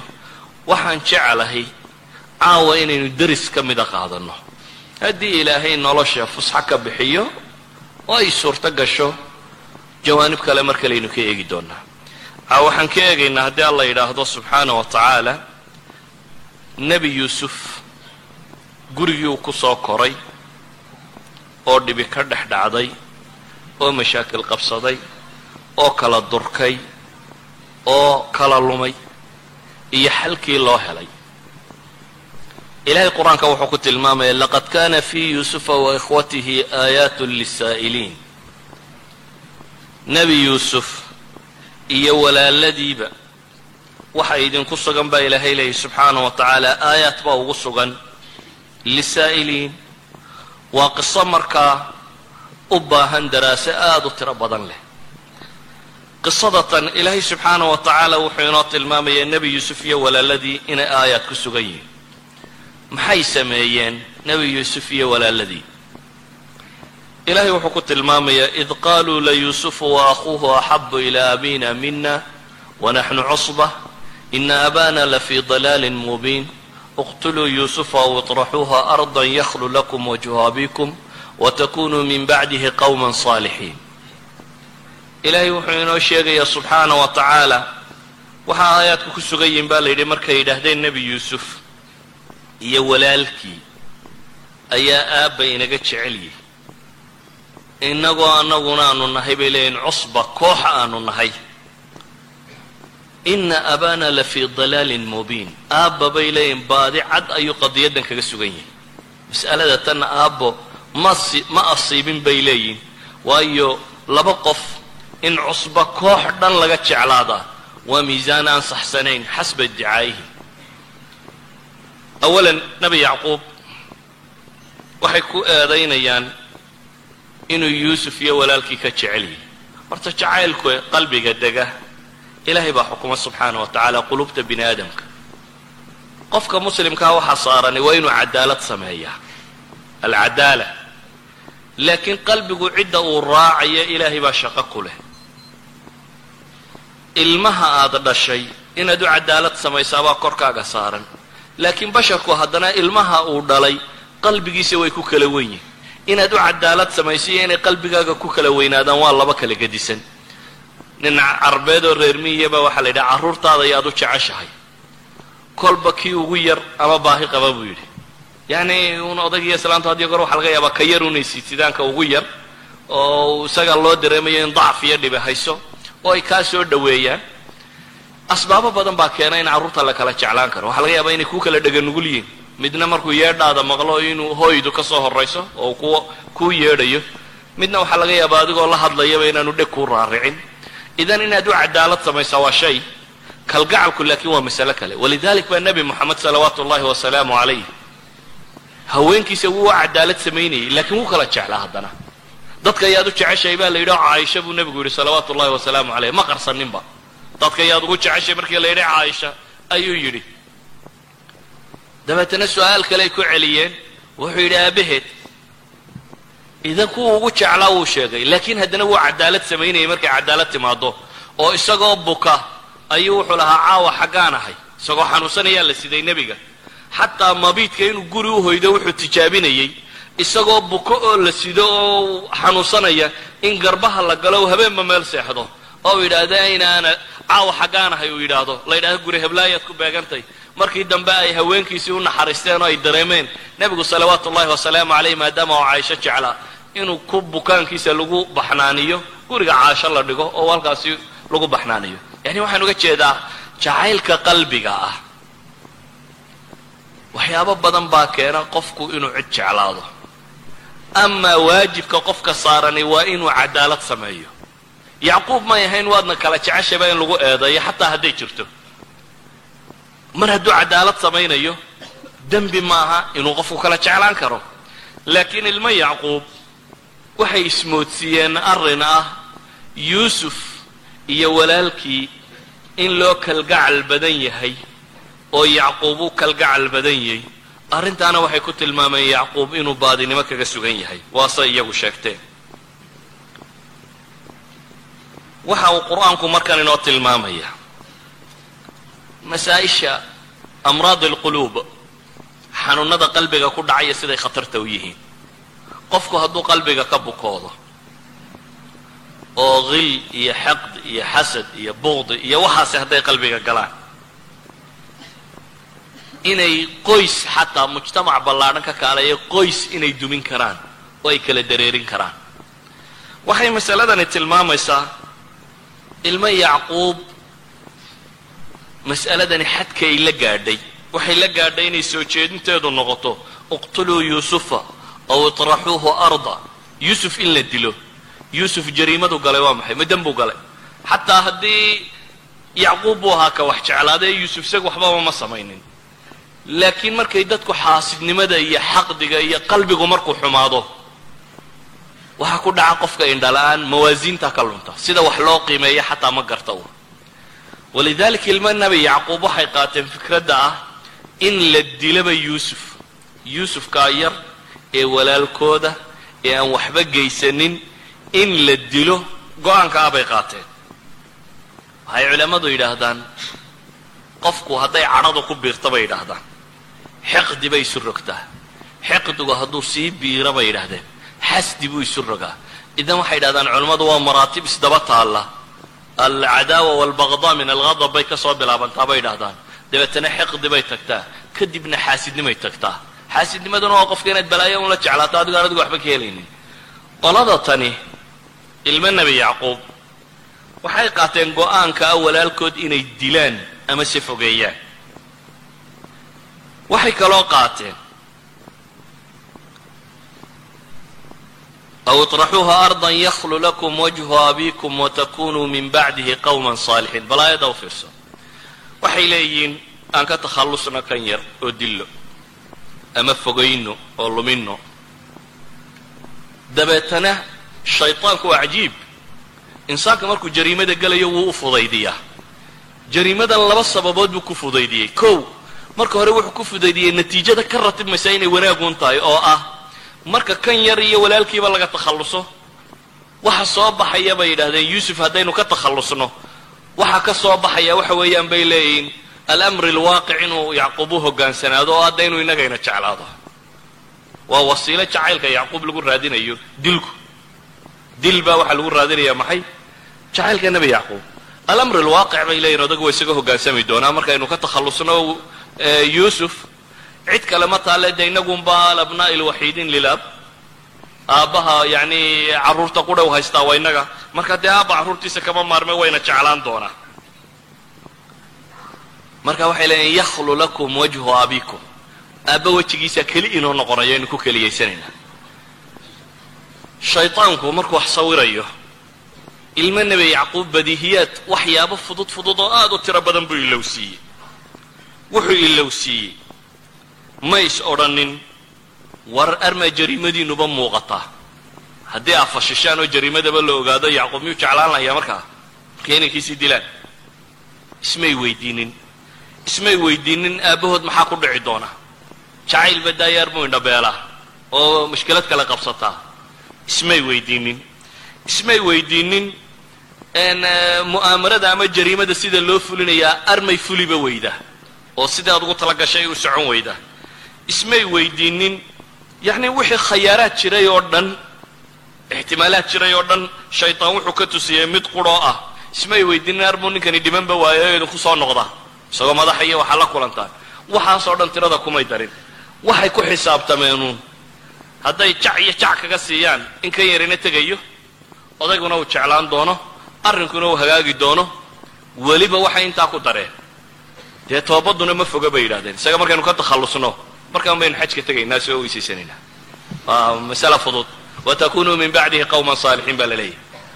Waxaa la sii bilaangaraynayaa marka isaga laga takhalluso kadib in la toobad keeni doono waa toobaduna dee tajubu maa qablahaayo inay fiicnaan doonaan. Saasaa balaan lagu dhigtay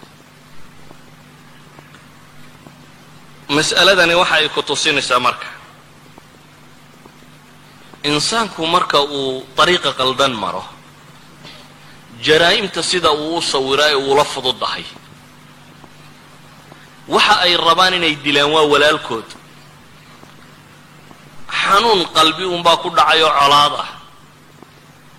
Kay colaadda ku fulinayana ka takhallusayaan waa walaalkood.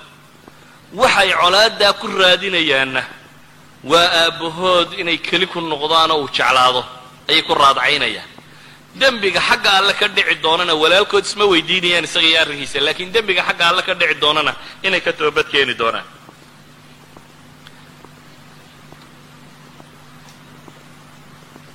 Ra'yigan bay qaateen. Ilahay qur'aanka wuxuu ku tilmaamaya qaala qaa'ilu minhum laa taqtuluu yuusufa waalquuhu fii ghayaabati اljubi yaltaqiطu bacdu sayaara in kuntum faaciliin. Ilaahay faraj buu u furay nebi yuusuf oo mid yaga ka midun baa yidhi ha diline eh. Meelaha goda iskaga tuuro dadkaa socotada iyo waxaasi ha qaataanoo hayna dhaafaane. Bacda muxaawalaat sida qur'aanku tilmaamayo suuradda ma tafsiirayno laakiin meelahaynu u dan leynaynu tilmaami doonaa.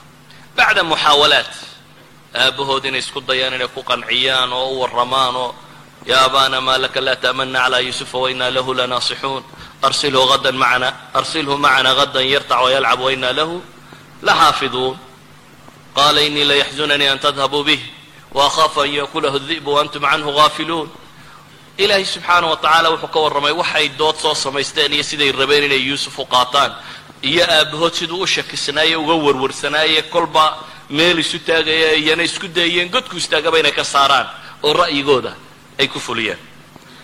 Qadiyaddii waa fuliyeen. Walaalkood god bay ku rideen. Nebi yuusuf wuxuu la kulmay mashkilad.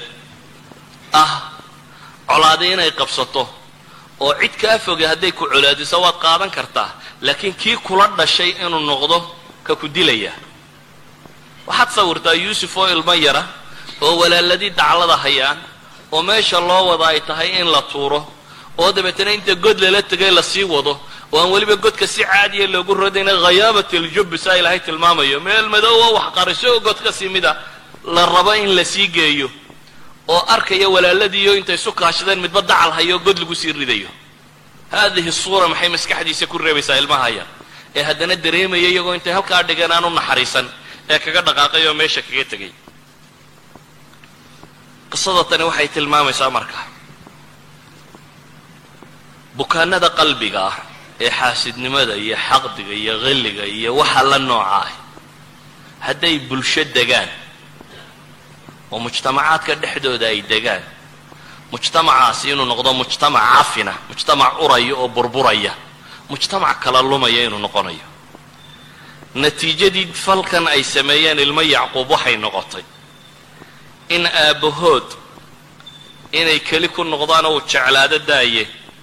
Ilaahay subxaana wa tacaala uu tilmaamaya wabyadat caynaahu min alxusni fa huwa kadiim in indhuhu caddaadeen murugo iyo tiiraanyo daraaddeed. Inuu taagnaa inamaa ashkuu bathii wa xusnii ila allah. Odaygii taasaa ku dhacday.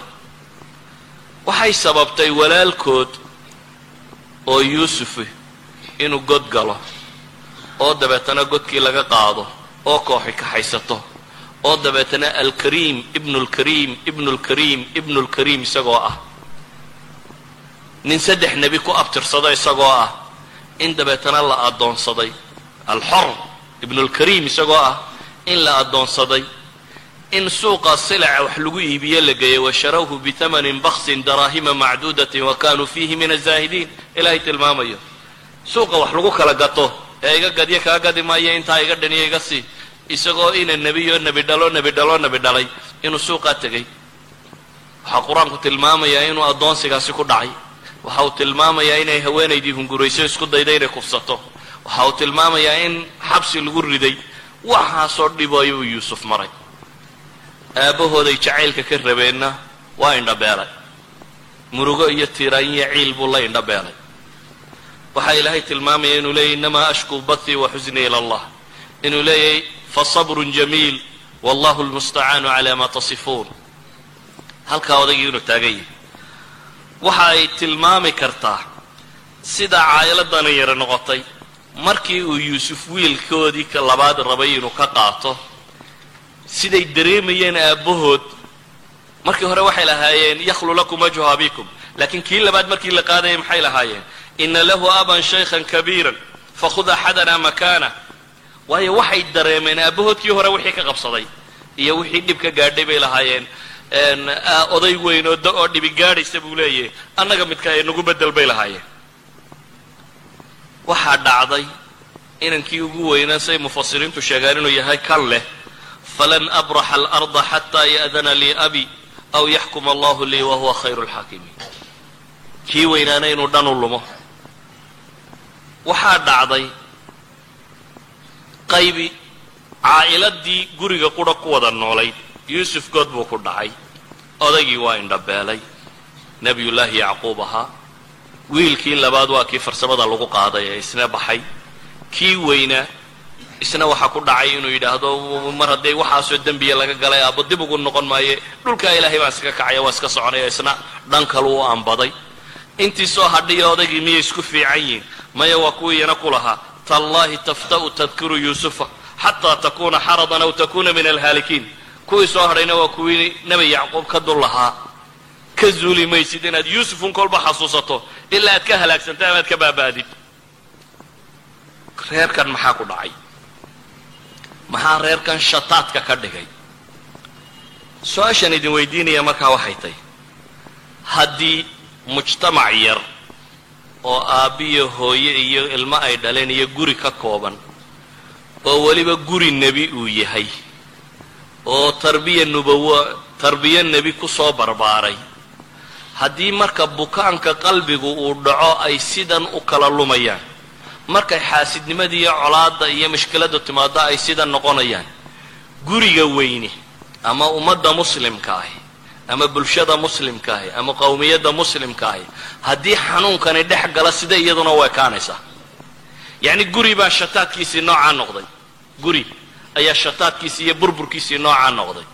Waxaan u malaynayaa ummadda soomaaliyeed inaan looga warramaynin sida loo ekaado marka la jabo marka la colaatamo. Soomaaliya iyadoo iska joogtuunbaa qola tidhi haddaynu xagg iyo xagga kaga dhufanno. Oo dabeetana watakunuu min bacdihi qowman saalixiin yakhlu lakum wajhu abikum bay raadinayeen meesha inay fuulaan unoo iyagu inta kala dareeriyaan.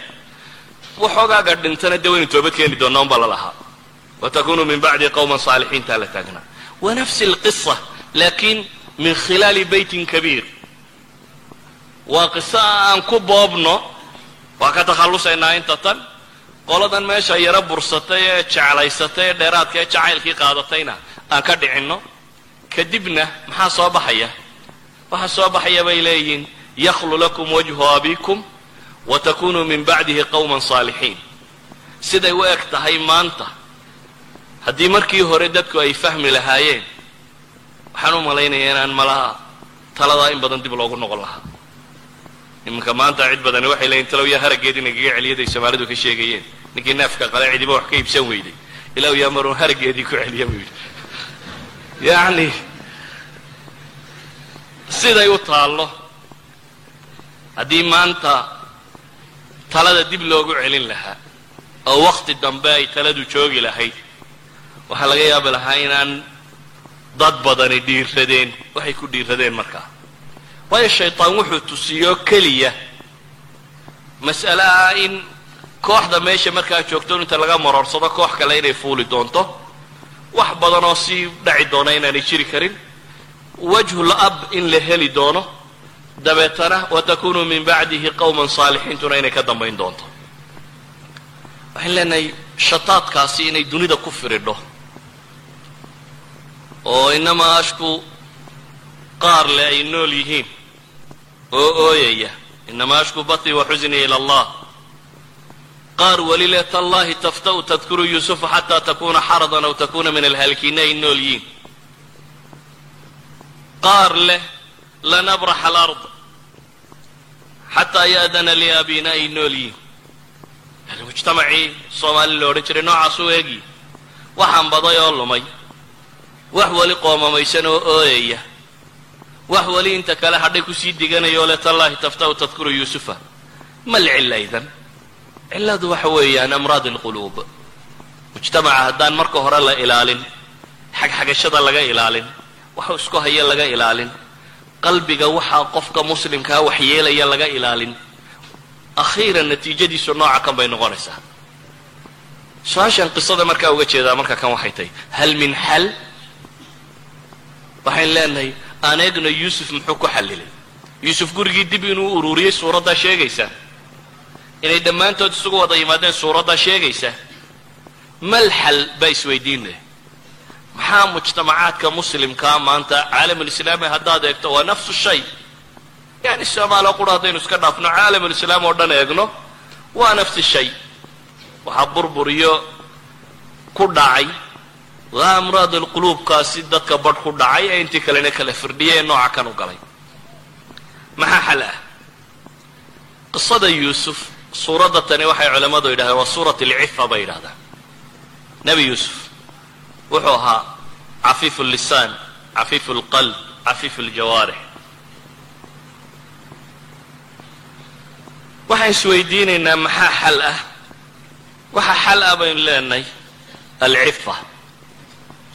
Dhowrsooni nebi yuusuf laba hal buu sameeyey. Walaaladii xaasidnimadaasay ku dhaceen xasdiguna ka la xaasidaya intaanu halaagin kuwa wa xaasidayuu sii halaagaa xasdigu markuu dhaco waa wixii ilmo nebi aadanba dee dhex galay. Laaqtulannaka markuu lahaa waxba umuu geysan walaalkii laakiin waa xaasiday uun laakiin kii uu dilaya iska dhaafay isagii baa ilaahay ku tilmaamaya faasbaxa min alkhaasiriin iyo faasbaxa min annaadimiin. Isagaa ahaa kii murugaysnaa markii dambe noqday nebi yuusuf mas'aladatan wuxuu ku cilaajiyey laba shay. Ama saddex shay haddaynu idhaahno. Labada shay mid culammadu waxay yidhaahdaan waa jurxigu nabarku inaanu sii ballaadhan oo ah nabarka in damaqa laga ilaaliyo. Hadday ceeb iyo dhibi dhacdo dadku isqabto. Waxa koowaad ee laga ilaaliyaa waxa weeyaan inaan nabarka la sii qodqodin. Maxaa sii qodqoda nabarka? Afxumadaa qodqoda afxumada ayaa nabarka qodqoda arkaysaa maalan waxay dhahdaan culammadu nebi yuusuf markii intaa la hafray beenta laga sheegay dumar ay wax u heshiiyeen xabsiga la dhigay isagoo aan waxba samaynin ee boqorkii uriyada u soo dirtay uriyadii u fasiray waa ka waa kii la yidhi ka soo bax jeelka nebi yuusuf wuxuu damcay inaanu bixin ilaa iyo kayskii lagu xidhay laga hadla mooyaane. Wuxuu yidhi maa baalu niswa allatii qaطacna aydiyahuna nebi yuusuf su'aal buu weydiinaya wuxuu leeya boqorkii u tago fas'alhu maa baalu niswat waxaad boqorka weydiisaa haweenkii gacmahooda googooyey ereygaa maxaa ku jira? Nebi yuusuf wuxuu xaq u lahaa inuu yidhahdo haweenkii isku dayay inay kufsadaan wuxuu xaq u lahaa inuu yidhahdo haweenaydaadii layga taag waayey. Xaaskaagii layga taag waayey arrinkeedii ka warran. Wuxuu xaq u lahaa dumarkii hafree beenaalayaasha ahaa ka warran. Wax haba yaraatee dhacdada lagu tilmaansaduu tilmaamay bay yidhaahdeen. Haba yaraatee kama warraminna wixii isaga lagu sameeyey ama wixii loo geystay. Magacoodna ma sheegin bay yidhahdeen waxay culammadu yidhahdaan camama walam yusami bay yidhahdeen wuu caam yeelay cid gaarana muu magacaabin bay yidhaahdeen. Muxuu ilaalinayaa? Wuxuu ilaalinayaa bay yidhaahdeen inaanu cidna tajriixinin. Tajriixa tirada badan leh dadkaoo la dhaleeceeyo la caayo oo la maago oo la wadaa nabarka way sii ballaadhisaa qofkoo markuu gafaba aad sii qodqodo farta gelisa halkii uu ka gafayba aad farta sii gelisaa way sii dilaacisaa uun. Way kala fogaanunbay sii keentaa. Ma keento nabarku inuu soo koobmo oo soo yaraado waxa sababa in laga daayo farafaraynta badan in dulqaad badan dadka muslimiinta ay muujiyaan. Walidalik muu odhanin nebi yuusuf maa baalu niswati allati raawadna haweenkii aniga i doonay ka warran iyagu weedha isku lahaayeen xataa kumuu odhan. Waqaala niswatu fi lmadinati imra'atu lcaziizi turaawidu fataaha. Xataa muraawadadii iyagu isku lahaayeen isaguma sheegin isagu waxa qura uu sheegay waxa weeyaan haweenkii gacmaha isgoogooyey xaalkoodii ka warrama. Xataa bay leeyihiin boqorkii su'aasha la weydiinayay gabadhiisii meesha kuma soo darin. Oo ahaydna ta maxay? Qisaduba ka bilaabantay. Haweenkii gacmaha jarjaree kalu tilmaamo. Waar adiga islaantaadi iyo kayskaygii ka warran mu odhan. Waxaaba laga yaaba laha boqorku inuu cerka u bixi lahaa. Hadduu intaasoo qura weydiin lahaa. Intaana ma weydiinin